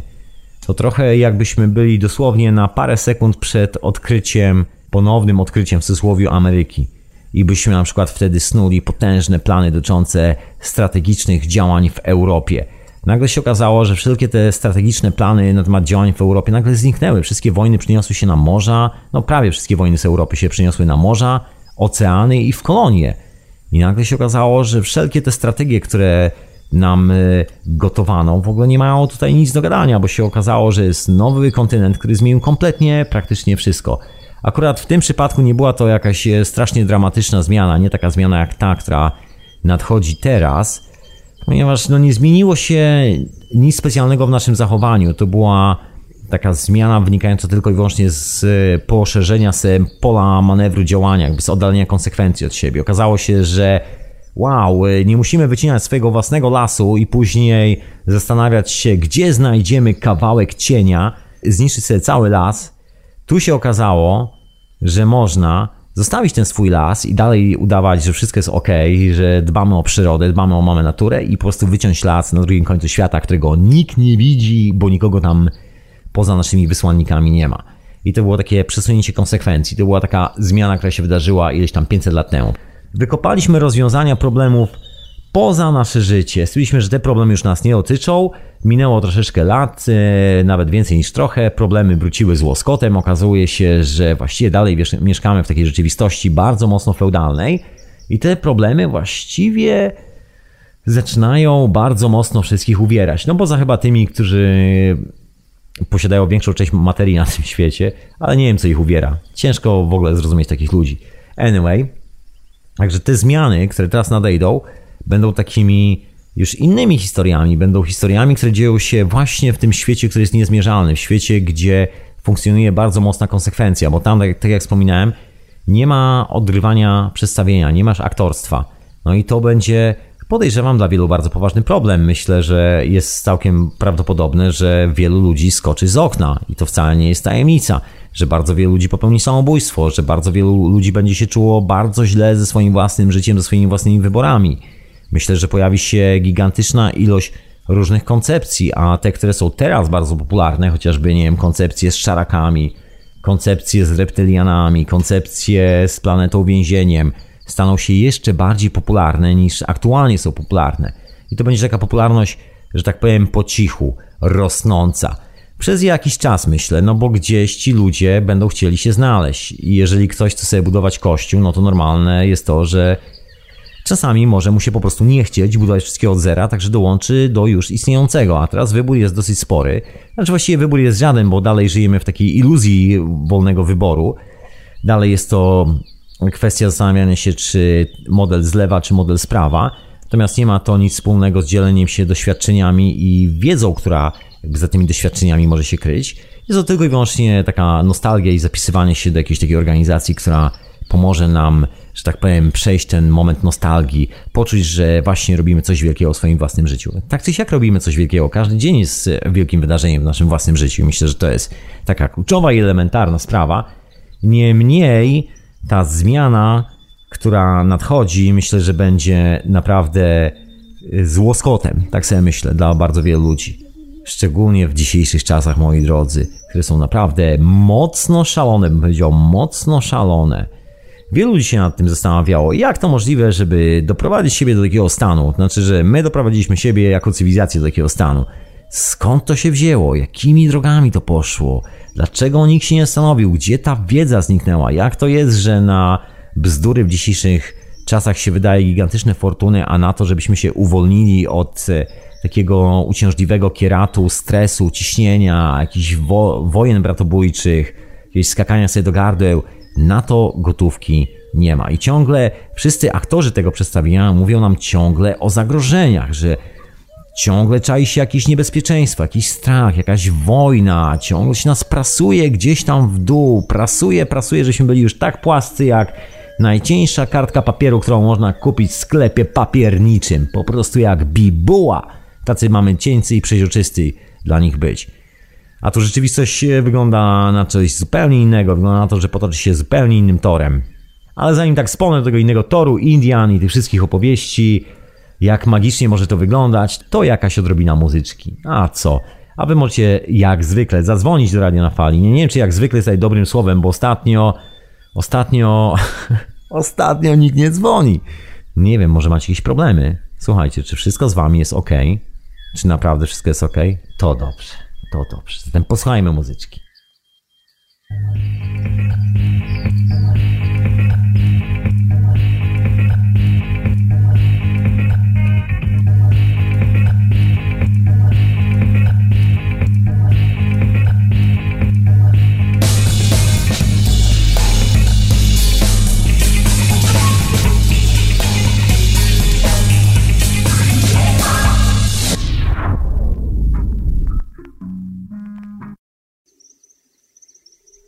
Las. A wysłuchacie hiperprzestrzeni w radiu na fali, a na imię Tomek. Audycja jest też retransmitowana w radiu Paranormalium. A jak chcecie sobie ściągnąć, to oczywiście musicie wskoczyć na Radio na Fali. Tam parkują wszystkie te podcasty. W archiwum audycji. Tam znajdziecie wszystkie, wszystkie te odcinki. Dokładnie, archiwum podcastów, tak to się nazywa. Ale wróćmy do naszego dziwnego skoku do przyszłości, która nas czeka której ślady widzimy wszędzie dookoła nas, czy to na planecie, czy w kosmosie. Właśnie, bo tam e, rzuciłem okiem na czata i Grzegorz wspomniał na czacie, co z, co z tą falą śmierci i z, co konsekwentnie z tym, z potencjalną falą urodzin. No właśnie nie wiem, co jest z falą urodzin, ale z drugiej strony są bardzo ciekawe dane na temat w ogóle funkcjonowania naszej planety, naszego ekosystemu i wygląda na to, że cała zielenina na tej planecie, wszystko co jest liściaste i nie biega, nie posiada rąk ani nóg, zaczęło mocno rosnąć. Pustynie zaczęły się zalesiać. Do pewnego momentu traktowaliśmy to jako katastrofę ekologiczną, że jak to jest, że na pustyni drzewa zaczynają rosnąć, ale no to jest nasz szalony pogląd na rzeczywistość, że jak natura zaczyna rosnąć, to my nazywamy to katastrofą ekologiczną. Współczesna ekologia czasami jest naprawdę bardziej niż szalona. Przyrost całej tej zieleniny na tej planecie jest aktualnie dosyć duży, bo zawartość tak zwanego dwutlenku węgla się zwiększa, a dwutlenek węgla jest pożywieniem dla roślin, które jak tylko mają go więcej, to od razu zaczynają rosnąć jak dzikie. Nie wiem jak wasze rośliny, przyjrzyjcie się na wiem, kawałek swojego ogródka, kawałek swojego parku, kawałek swojego lasu i jeżeli tam bywacie systematycznie co roku, w tym samym momencie roku, o tych samych porach, zauważycie pewne zmiany. Nie wiem, czy zauważycie akurat to, że planeta się tam y, coraz bardziej zieleni i tam się akurat jeszcze bardziej zazieleniło, ale jest pewna szansa, moi drodzy, jest pewna szansa. Zdjęcia satelit jasno i wyraźnie mówią, że planeta zaczyna się mocno zielenić, chciałoby się powiedzieć rumienić. No, na jedno i to samo wychodzi. Ale wróćmy do, do tego skoku w nieznaną przepaść, kiedy się wybijemy od tego progu, na którym mamy napisane koniec rzeczywistości, którą znamy, koniec cywilizacji. Więc pojawia się zjawisko telepatii. O ile łatwo sobie wyobrazić wszystkie sprawy związane z komunikacją i to jest takie bardzo wyzwalające, to czasami nie zastanawiamy się, jaki będzie miało to impact na kwestie związane z czymś takim, co nazywamy społeczeństwem, społecznością, w ogóle sposobem komunikacji, ale takim troszkę bardziej zaawansowanym. Mianowicie cała ta farsa związana z wyborami, cała ta farsa związana z polityką nagle się kończy. I to od razu, bo w tym momencie telepatią każdy odczuwa draństwo człowieka, który wypowiada. To jest takie dosyć, że tak powiem, mało przyjemne i będzie mało przyjemne, już jest dla wielu mało przyjemne, bo czują to draństwo, które sami wykonują, bo to do nas wraca. To jest pierwsza rzecz w ogóle tego całego systemu, że tak jak w tym quadrillium, w tym y, opisie, który jest dla niektórych czystą teorią, no a tak jest w praktyce też, ta energia wraca, wykonuje to swoje kółko, wykonuje i wraca do punktu, z którego startuje i wtedy jest wartość dodana i wtedy mamy ten dodatkowy impuls. I ta telepatia dokładnie działa właściwie tak samo jak te wszystkie moce na tej planecie i w kosmosie, czyli też wykorzystując to zjawisko quadrillium, jakie moglibyśmy potocznie nazwać. No i pierwsze co się dzieje, to oczywiście złe myśli kopią właścicieli. To jest taka normalna rzecz. Przy czym oczywiście czasami to dziwnie wygląda, bo no, prawda jest taka, że nie siedzimy ludziom w głowach. Jesteśmy w stanie do pewnego momentu siedzieć komuś w głowie, ale też y, nie do końca. Też nie zawsze nam się chce, nie zawsze znamy człowieka na tyle, nie dzielimy z nim wszystkich tych, że tak powiem, trudnych momentów, a wiadomo, że znamy się na tyle, na ile się sprawdziliśmy. I z zewnątrz wszystko się wydaje ok, z zewnątrz wydaje się całkiem wspaniałe, no ale nagle się okazuje, że człowiekiem zaczynają miotać dziwne rzeczy. Przy czym często jest tak, że te rzeczy się bardzo szybko zaczynają, zaczynają manifestować na takiej płaszczyźnie fizycznej, czyli co zaczyna coś e, nie wyrabiać w organizmie. Wszystkie zmiany, które zachodzą w naszym duchu, można powiedzieć, w nas, jako istocie duchowej, automatycznie manifestują się w naszym organizmie. Tak po prostu od razu. Jakiekolwiek zmiany życiowe, to, że dorastamy, to nie zawsze oznacza jakiejś katastrofy życiowej, nie zawsze oznacza zawału, nie zawsze oznacza jakichś takich dziwnych hec związanych z byciem niezdrowym, to często oznacza wręcz odwrotnie hece związane z tym, że wracamy właściwie do zdrowia. Taki kryzys ozdrowieńczy, tak można to nazwać. Czasami się tak dzieje, czasami, czasami nie. No, ale tak czy siak, ta telepatia jest takim zjawiskiem, że wysłany impuls wraca do nas, wraca sprzężony z dodatkową informacją. Właściwie tak do końca ciężko przedstawić model teoretyczny działania telepatii. Wiadomo, że chodzi o pole morfogenetyczne, tak jak nazwał je Rupert Sheldrake, czyli pole aeteryczne, tak to można powiedzieć e, bardziej technicznie, jak mają Nikola Tesla. No i co ta telepatia robi, jeżeli się przyjrzymy politykom?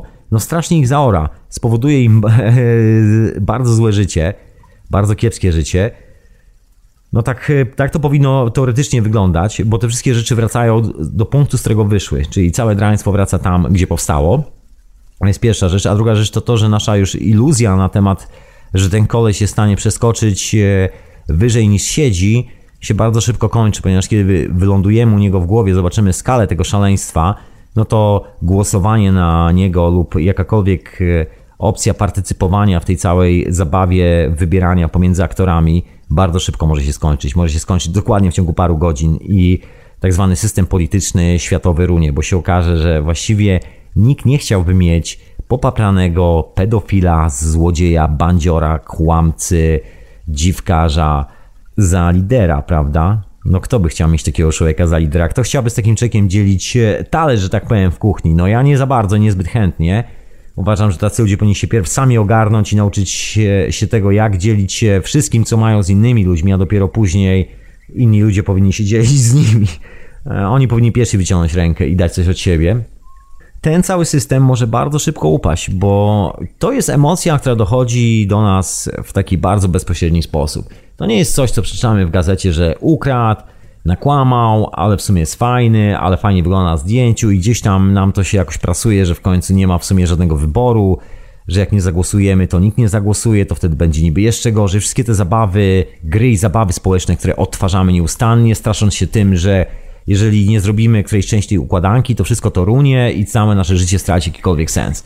No tu się okazuje, że jak to wszystko runie, no to nasze życie chyba nabierze tak naprawdę sensu, bo wtedy zrozumiemy, w czyich rękach tak naprawdę drzemie, drzemie prawo o naszym życiu i śmierci. Szczególnie jeżeli ktoś na przykład chce sobie użyć olejka, oleju robionego z kanabis, który jest nielegalny w Polsce, bo akurat ma raka, na którego umiera, prawda? I to się nagle okazuje, że wiadomo, kto jest panem życia i śmierci. Tylko to ile w przypadku właśnie przekraczania tej granicy doświadczeń, tego granicznego doświadczenia związanego ze śmiercią, sprawy wydają się bardzo proste i bardzo jasne, bo tu jest prosta historia.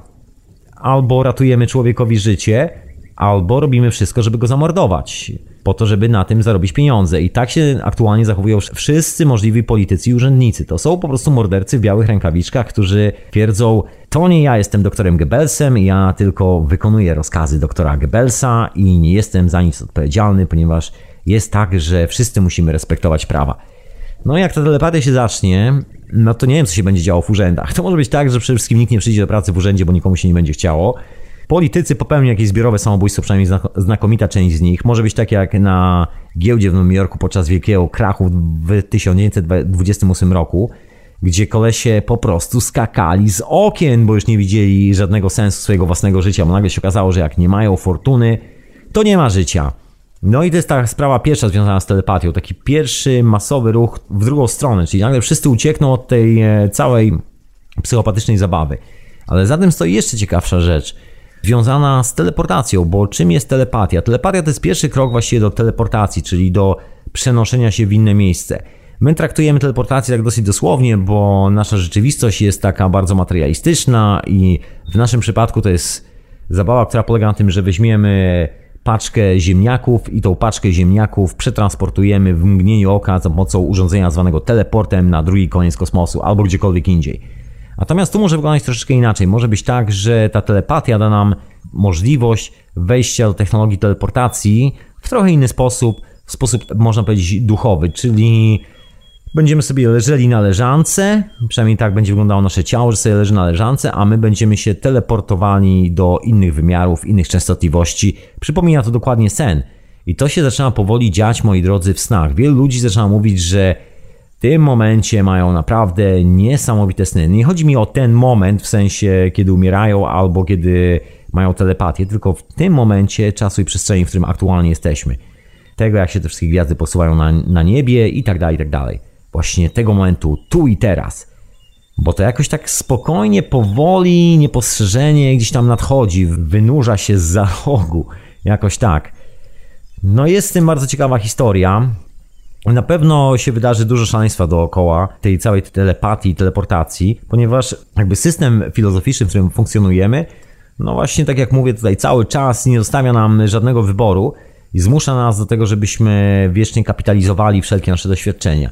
I może być tak, proszę Państwa, że ta kapitalizacja się troszeczkę zamieni i będzie taką personalizacją. To właściwie jest w kilku miejscach, no bo to jest takie oryginalne znaczenie kultu cargo, że, że się bierze kogoś, wymyśla kult w stosunku do niego, obwołuje się go Bogiem i następnie się personalizuje wszelkie duchy dookoła, które zaczynają mu służyć i tak dalej. Także okaże się, że może być tak, że tą całą moc, którą nagle poczujemy, zaczniemy, przynajmniej część z nas, personalizować. No i część z nas nagle do, dozna niesamowitych objawień, stwierdzi, że albo świat jest jednym wielkim więzieniem, druga część może zwariować, uciec do kościoła i zacząć się żaliwie modlić do Jezusa, trzecia część może nie wiem co zrobić. Nie mam pojęcia, nikt właściwie nie wie, co się wydarzy.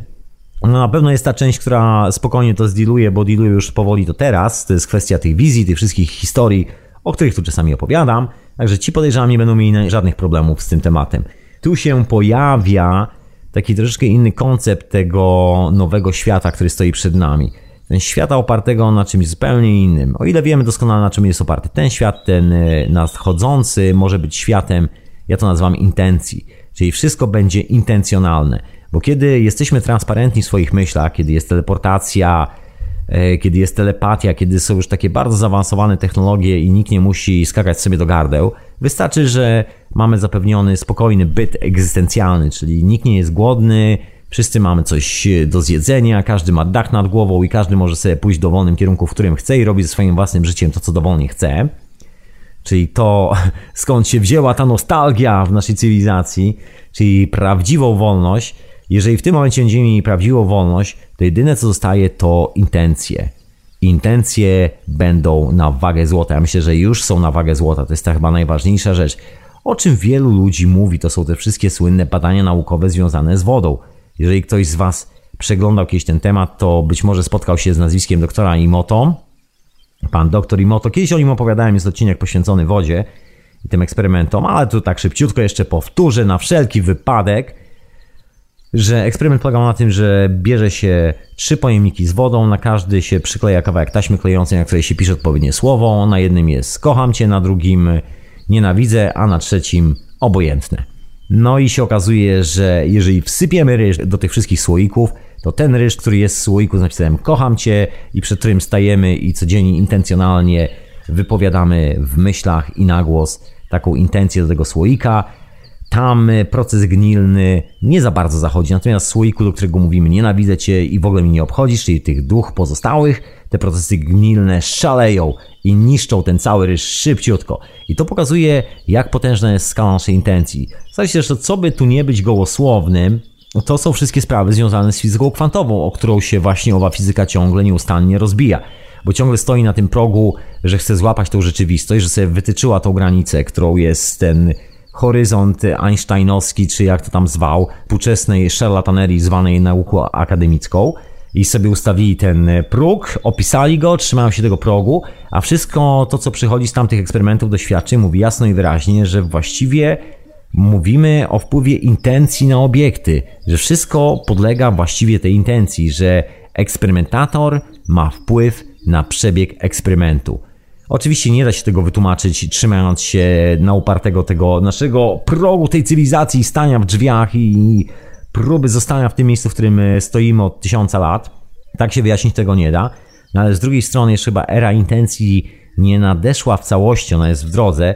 Także ta fizyka kwantowa próbuje, że tak powiem, okrakiem e, pogodzić dwie rzeczy, które się nie da pogodzić, czyli zmusić nasze wizje, żeby stały się czymś takim bardzo fizycznym, zmierzalnym i przeliczalnym w tym systemie matematycznym, który też zresztą swoją drogą jest taką trochę iluzją, że tak powiem, tego, co widzimy dookoła i tego, co tak naprawdę opisujemy. To jest bardziej taka hipotetyczna, teoretyczna historia, bym powiedział. A ja tu mam telefon i już odbieram. No, zaraz, jak zwykle, ten Skype się troszeczkę zacina, że dajcie mi chwilę, żebym tutaj odgruzował tego Skype'a, bo nie wiem, co się dzieje. Jak zwykle się pewnie wyłączy i włączy jeszcze raz. Tak to wygląda w praktyce. Posłuchajmy sobie muzyczki, a po muzyce zapraszamy na jakąś rozmowę telefoniczną i podzielenie się swoimi refleksjami na ten temat. Jak to czas leci, jakie są znaki naszych czasów.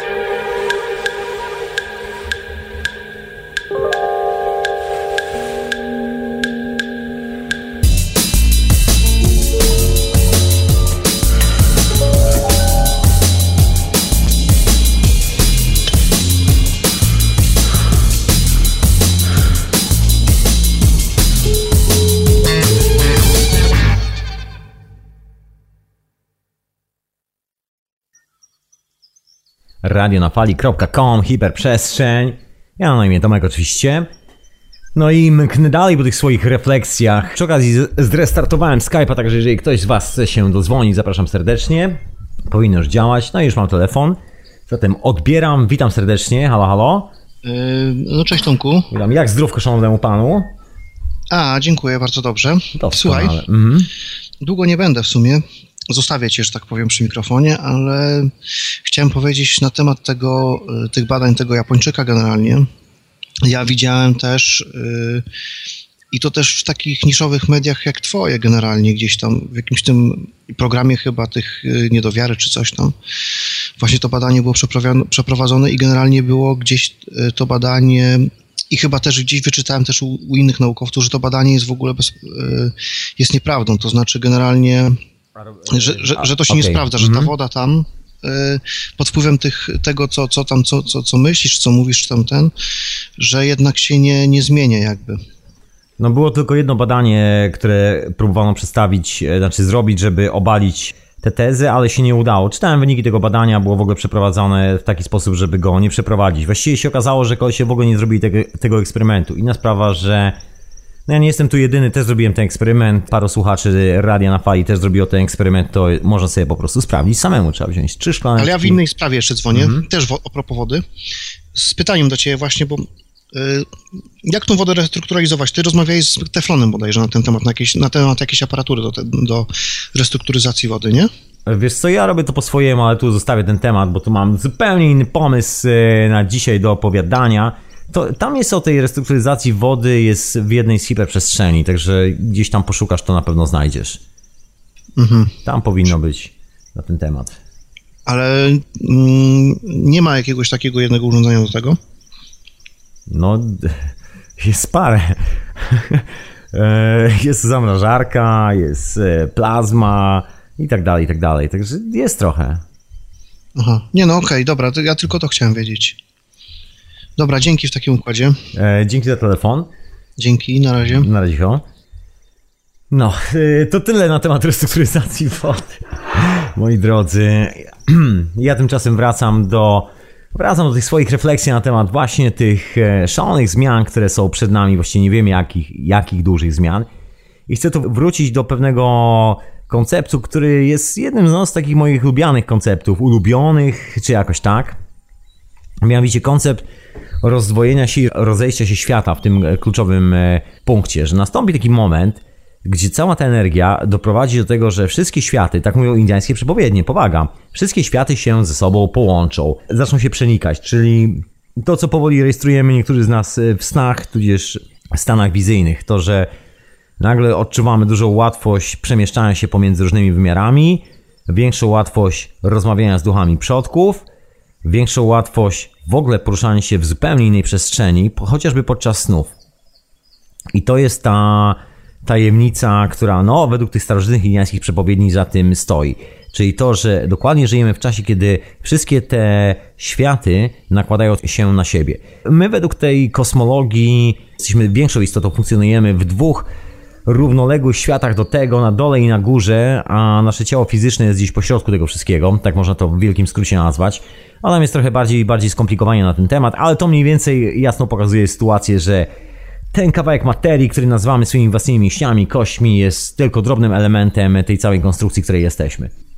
Cała ta konstrukcja jest jednocześnie zaczopowana, można powiedzieć, w krainie naszych przodków oraz tym y, kosmosie, niesamowitym kosmosie, który właśnie się dopiero wydarza. Czy można powiedzieć, że jedną nogą mieszkamy w przeszłości, drugą mieszkamy w przeszłości, a nasze fizyczne ciało, czyli nasz tułów jest pośrodku tu i teraz. No i całe te rozejście się światów jest właśnie związane bardzo mocno z tym konceptem, z tym energetycznym konceptem, że jesteśmy niczym innym jak tylko kawałkiem energii, która zasuwa po tej kosmicznej strukturze energetycznej. No i ta energia to intencja, co tu dużo mówić. No i kiedy te światy się zejdą razem, czasami przynajmniej niektórzy z nas mogą mieć problemy z tym, żeby złapać dziewczynę i z kim w tym momencie rozmawiają, bo może być tak, że rozmawiają z duchem przodków, a nie z kimś, kto tu jest fizycznie obok. No generalnie jest taki pomysł, że właśnie to wszystko się zejdzie i to tak konkretnie. To jest ta legenda o trzech dniach bez słońca, moi drodzy.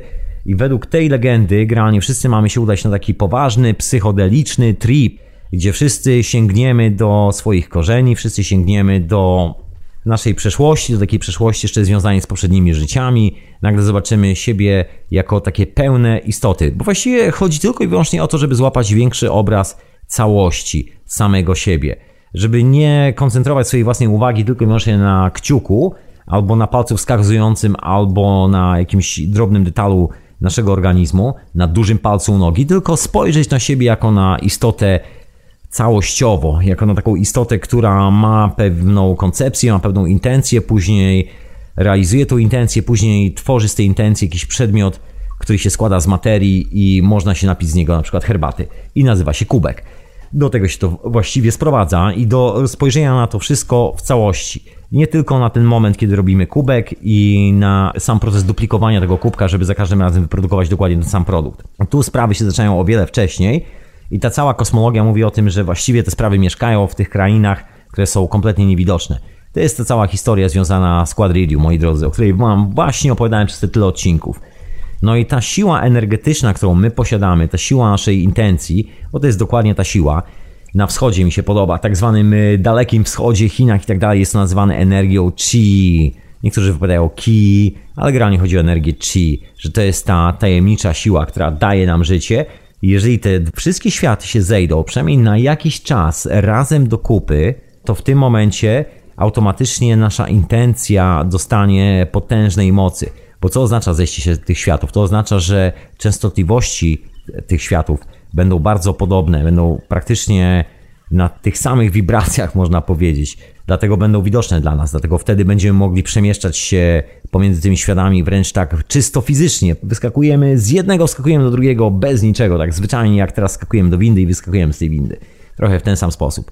Zgubimy ten kawałek, który nas determinuje, tą wiarę w to, że ten proces duplikowania tego kubka, który produkujemy, jest najważniejszą rzeczą, jaka nas w życiu spotkała i spojrzymy na siebie w całości, zobaczymy, jak wyglądamy jako istoty żyjące w troszeczkę innych wymiarach i innych przestrzeniach. Samo to doświadczenie, że spotkamy siebie w takiej pełni rezonansowej, można powiedzieć, zabrzmimy wtedy jak tu gitara z takim dużym pudłem rezonansowym, bo na razie nie mamy tego pudła rezonansowego.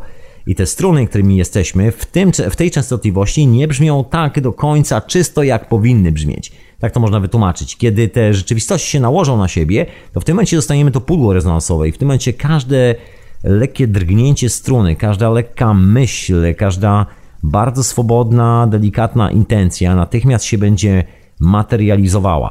To jest ten numer, na który łapie się ludzi, którzy koniecznie szukają czegoś, w co muszą uwierzyć. Ten numer, który stosował Sayo Baba, że po prostu materializował przedmioty. Bo wszyscy czekają na ten magiczny moment, kiedy będą mogli zrobić coś z niczego, chociaż właściwie jesteśmy świadkami powstawania czegoś z niczego, bo sami jesteśmy czymś z niczego.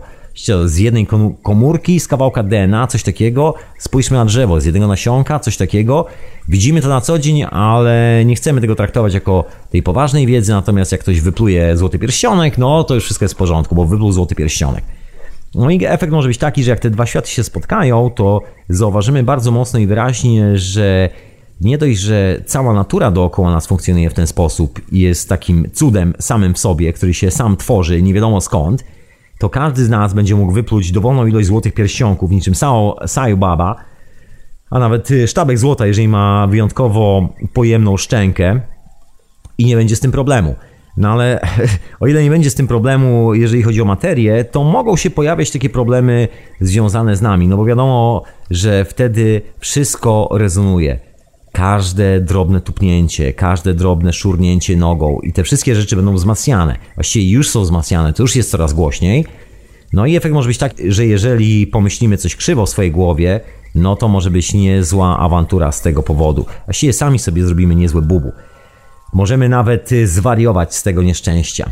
I to jest pierwszy aspekt tego schodzenia się i rozchodzenia światów, bo elementem, jakby całością tego, tej całej opowieści jest to, że światy się zejdą, będą jakiś czas ze sobą razem. To mają być właśnie owe trzy dni ciemności, gdzie wszystko się zespoli, spotkamy swoich własnych przodków, zobaczymy siebie, jak wyglądaliśmy 100 lat temu i co robiliśmy w poprzednim życiu, dowiemy się, jakie są predestynacje tego naszego życia tu i teraz, w którym kierunku zmierzamy, jaki jest w ogóle kompleksowy obraz tej całej całości już poza materią, uwzględniając oczywiście tą materię. Po tych trzech dniach te światy się rozejdą. Tak mówi legenda.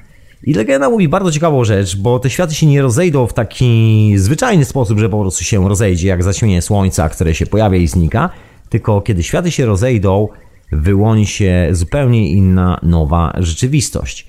A ta nowa rzeczywistość będzie polegała na tym, że ci, którzy mieli właściwe intencje, zostaną na jednej ziemi, a ci, którzy mieli te niewłaściwe intencje, zostaną ze swoimi intencjami w zupełnie innym świecie. Czyli świat się pierw zejdzie, wszystkie te częstotliwości, wszystkie te wymiary, w których rzeczywiście funkcjonujemy i istniejemy, się zejdą do kupy. Nasze intencje będą wtedy brzmiały bardzo głośno i będą miały tą moc materializacji praktycznie wszystkiego, co sobie wymyślimy. No i po chwili, gdzie te światy się zaczną rozchodzić, okaże się, że właściwie świat wygląda tak samo jak przed chwilą, ale nie ma połowy znajomych dookoła nas, bo ci znajomi po prostu wyparowali. I to jest taki bardzo intrygujący opis tego, jak to się ma wydarzyć. Moim zdaniem, jeden chyba z najbardziej, może powiedzieć, zaskakujących to jest jedna rzecz, najbardziej szokujących to jest druga rzecz i chyba poniekąd z punktu widzenia nawet y, naukowego najbardziej z prawdopodobnych scenariuszy, mówiąc szczerze, chociaż brzmi kompletnie nieprawdopodobnie, to jeżeli spojrzymy na świat jako zbiorowisko częstotliwości, fal, rezonansów, to o czym między innymi mówił Nikola Tesla, to wygląda na to, że może tak być i ci z nas, którzy wylądują na innej planecie, będą po prostu już na tej innej planecie z innymi ludźmi, tymi, którzy przeszli jakby to rozdzielanie się światów. Jak to opisać po ludzku, to rozdzielenie się światów? No generalnie wszystko sprowadza się do tego poziomu energetycznego. Jeżeli ktoś będzie w tym momencie procesował w swojej głowie jakieś kiepskie sprawy, na przykład będzie zajmował się polityką, albo będzie zastanawiał się nad strategiami, będzie zastanawiał się nad kasą, będzie zastanawiał się nad tym, jak wyprodukować tych kubków jeszcze więcej, żeby one wszystkie były dokładnie takie same, jak na tym jak najwięcej zarobić, no to w tym momencie jego energia będzie tworzyła dookoła niego taki świat, czyli świat, który się w ogóle nie zmienił. Energia tych ludzi, którzy koniecznie chcą dalej biegać na wybory, koniecznie chcą dalej kupować te produkty, koniecznie chcą dalej żyć e, tą nostalgią za wolnym wyborem, który dawno, dawno, dawno temu już gdzieś utraciliśmy, nawet zapomnieli, że coś takiego istnieje, tylko tam im podświadomość czasami gdzieś w sercu albo gdzieś w mózgu tam tyka i mówi człowieku nie... Ten jeden krok, gdybyś mógł wziąć głębszy oddech, to świat wyglądałby lepiej. Energia tych ludzi stworzy taki duplikat tej rzeczywistości, którą mamy teraz. Jak świat zacznie się rozchodzić, to oni zostaną ze swoim duplikatem, ponieważ każdy wtedy będzie miał moc wytwarzania swojej własnej rzeczywistości, a jest dosyć skondensowana, dosyć mocna rzeczywistość, oparta na potężnej ilości strachu, nienawiści, lęku, psychozach maniakalnych, złym samopoczuciu, obarczaniu wszystkich ludzi dookoła winą za nasze złe samopoczucie i tak dalej, i tak. Całe te szaleństwo cywilizacyjne. No i jeżeli to szaleństwo cywilizacyjne dalej pozostanie w swojej niezmienionej formie, czyli ci ludzie dalej będą mieli w głowie dokładnie te same intencje, które mają, żeby spłacić kredyt, żeby pójść na wybory, żeby wygrał dobry, a nie zły prezydent, wszystkie te fantasmagorie, wszystkie te bajki i dalej będą wierzyli w te bajki, to zostaną z tym swoim bajkowym światem i w momencie, kiedy świat się będzie rozdzielał, oni gdzieś przejdą do zupełnie innego wymiaru. Bo ta intencja, która ma się przemieszczać, tak że tak powiem, idealnie po strumieniu tej energetycznej struktury, która jest w kosmosie, że tak powiem, się ich pozbędzie. Oni stworzą coś osobnego, coś, co zniknie z naszego horyzontu, a my zostaniemy z takim światem, jaki jest dookoła nas i może być mniej ludzi dookoła. Jest bardzo ciekawa historia z tym związana, jeżeli chodzi o na przykład sny, które mają ludzie. Chodzi o sny związane w cudzysłowie z depopulacją. Nie chodzi o depopulację w wykonaniu Fundacji Rockefellera i dużych organizacji finansowych i rządów tego świata. Nie, nie, chodzi o coś zupełnie innego. Jeżeli tak się przyjrzymy na te zagadkowe opowieści z naszej przeszłości, to czasami no, ciężko nie wpaść na taki wniosek, że hej, gdzie się podzieli ci wszyscy ludzie? Przecież jeżeli to były tak potężne cywilizacje, to nie mogło być tak, że je tak zwiało w ciągu ułamka sekundy z ziemi. Przecież zawsze był ktoś, kto wziął kawałek kamienia, wziął kawałek blaszki albo dłutka i pisał Właśnie umieram, nasza cała cywilizacja zostawia wam message, nie, nie wkładajcie bomby atomowej do kuchenki mikrofalowej, czy jakoś tak. Nie ma żadnych takich przesłań. Jest kilka takich rzeczy, które zostały po przodkach, które nam opowiadają bardzo dziwne historie kontaktów z kosmitami, z inną rzeczywistością, z tym światem, można powiedzieć, przejścia. Ale niewiele na ten temat wiadomo, nikt nie chce za bardzo tego tłumaczyć. Większość tych rzeczy jest odsądzana od czci i wiary, jak zwykle. Jest jeszcze oprócz tego masę fałszerstw z tym związanych, bo oczywiście każdy chce zarobić, a jest to taka historia, której nikt nie jest w stanie zweryfikować, także naturalne jest to, że przyciąga strasznie dużo fałszerzy i szalbierzy, którzy chcą na tym y, przyciąć kasę, bo kto ich sprawdzi? Przecież nikt tego nie sprawdzi, prawda?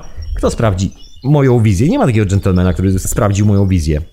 Albo twoją droga słuchaczko, albo twoją drogi słuchaczu. To są takie indywidualne sprawy, że tu każdy może sprzedawać dowolną ściemę. Dokładnie tak to wygląda.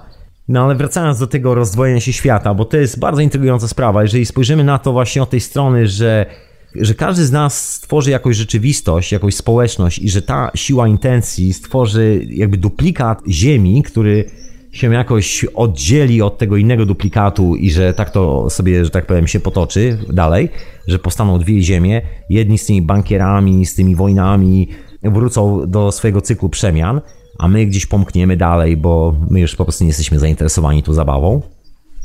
Już widzimy troszkę większy obraz całości.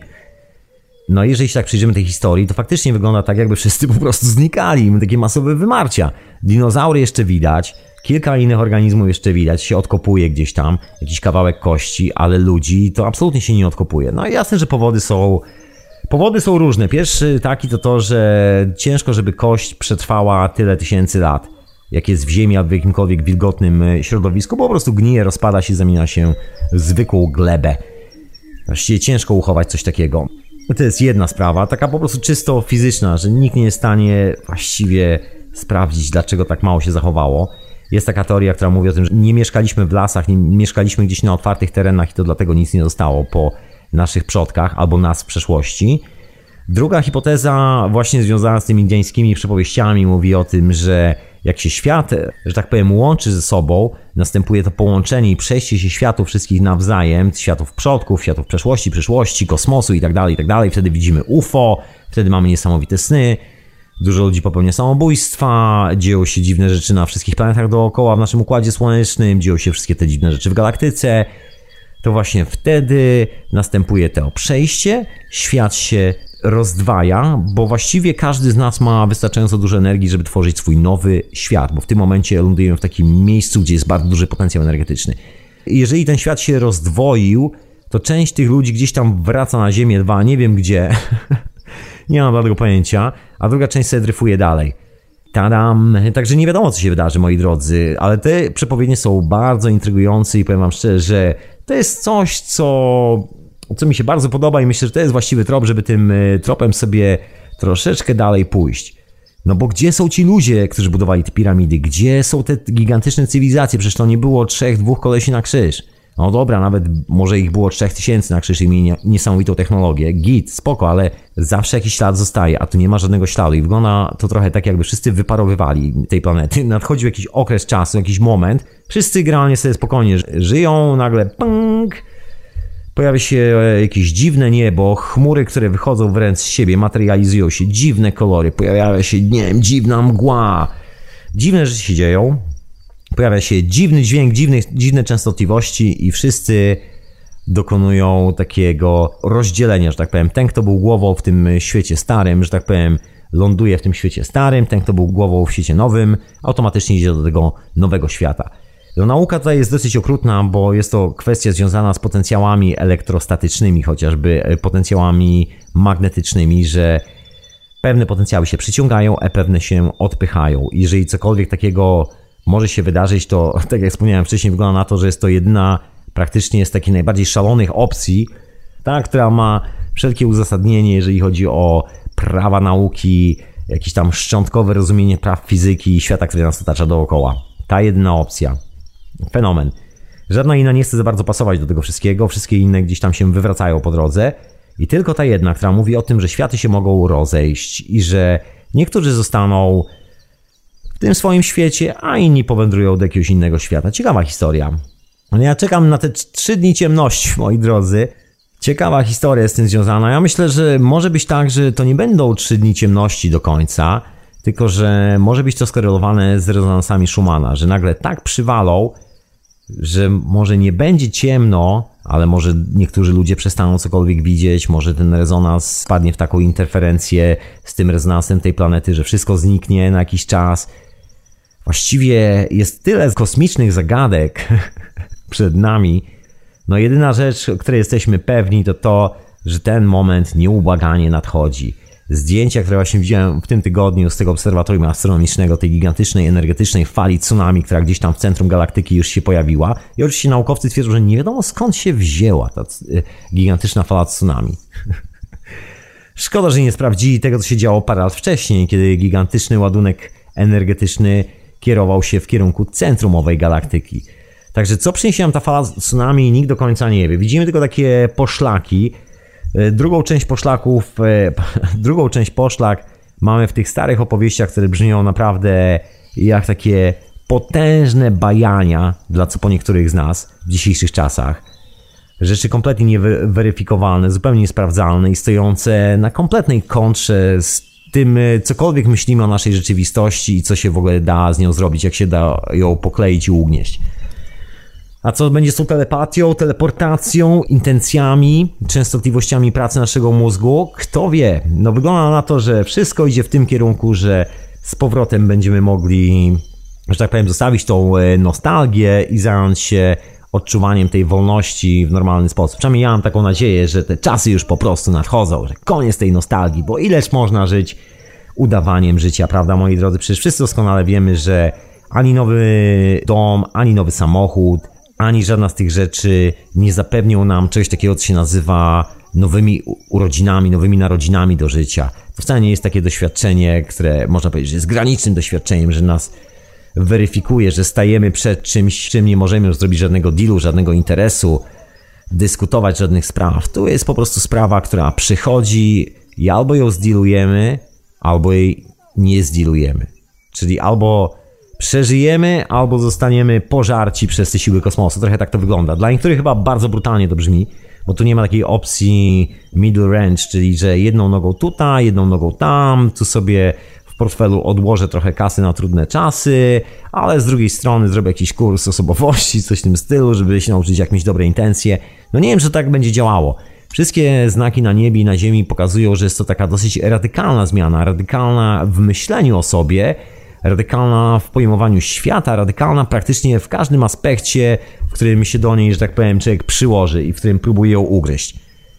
Coś zupełnie na kontrze dzisiejszą rzeczywistością, która boi się takiego radykalnego podejścia, bo to wszystko musi być ze sobą połączone bardzo mocno, żeby ten biznes niewolnictwa mógł cały czas działać, żeby ktoś miał sens stawania rano do pracy po to, żeby jakiś niewolnik gdzieś w kraju trzeciego świata budował e, jakieś komputery, na których on w pracy będzie robił coś, jeszcze trampki dla niego, po to, żeby tamten koleś mógł raz w roku za zaoszczędzone pieniądze pojechać, zobaczyć tego wieśniaka, który mu robi te trampki, te komputery, usiąść na tej plaży i pomyśleć, wow, jakie oni wiodą tu sielskie życie, prawda? To jest po prostu paradoks współczesnych czasów.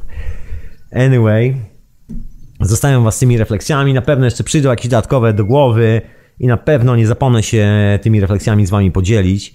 Także dziękuję jeszcze raz, kochani, za wysłuchanie moich nieco chaotycznych refleksji na ten temat, na temat quadridium, na temat tego, co może się wydarzyć z naszą planetą Ziemią, gdzie kierują nas te wszystkie kosmiczne kroki.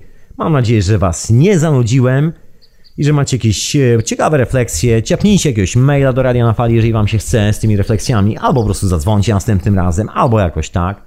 A ja tu już dziękuję za słuchanie tego odcinka. Pozdrawiam słuchaczy Radia na Fali. Pozdrawiam wszystkich tych, którzy są na czacie Radia na Fali tam sobie dyskutowali. Jest tak, poglądałem jednym okiem tą dyskusję. I oczywiście pozdrawiam wszystkich słuchaczy Radia Paranormalium. E, jak najbardziej oczywiście. I przypominam, że oprócz Radia na Fali Oprócz teorii chaosu, pichontarium, kilku innych rzeczy jest jeszcze debata ufologiczna w Radiu Paranormalnym. Żebyście, moi drodzy, jutro jak się nudzicie wpadli. Ciekawa produkcja, bardzo polecam. Debaty ufologiczne i pozdrawiam w ogóle wszystkich uczestników debat ufologicznych. I szczególnie Iweliosa. Pozdrawiam serdecznie. I dziękuję jeszcze raz na koniec wszystkim mecenasom Radia na Fali, że wspieracie w ogóle ten projekt i że dzięki temu projektowi ja mam okazję, żeby tu sobie usiąść i w taki leniwy sposób troszeczkę, bez ciśnienia, bez powoływania się na jakieś ciężkie tytuły i ciężkich autorów, posunąć te swoje własne refleksje i odgruzować tą trzecią opcję, moi drodzy, tą tajemniczą opcję, która wynika z posiadania serca i umysłu, a nie z posiadania umiejętności kształtowania przedmiotów materialnych. I może się okaże, że właśnie to jest naszą furtką do tej nowej rzeczywistości. Kto to wie, moi drodzy? Także jeszcze raz wielkie dzięki mecenasi za wspieranie radia. Pozdrawiam wszystkich e, Was słuchających offline, gdziekolwiek byście nie byli, i Ty, drogi słuchaczu, i Ty, droga słuchaczko. Na wszystkich pozostałych, którzy tutaj są absolutnie live, duszą i ciałem, jak to się mówi, zapraszam na zrobienie sobie jakiejś kawki. Zostanie z radiem na fali, bo zapowiada się wieczorowa pora, oczywiście ze mną za mikrofonem, jak zwykle w sobotnią noc.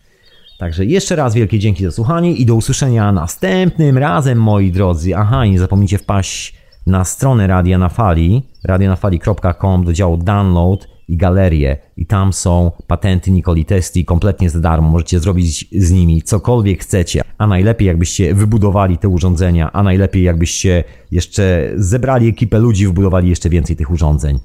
Tam jest siła, moi drodzy. I to tyle na koniec e, tych wszystkich opowieści. Także miłego wieczora, moi drodzy, miłego dnia, gdziekolwiek byście nie byli, gdziekolwiek byście tego nie słuchali. I do usłyszenia następnym razem. Peace and love.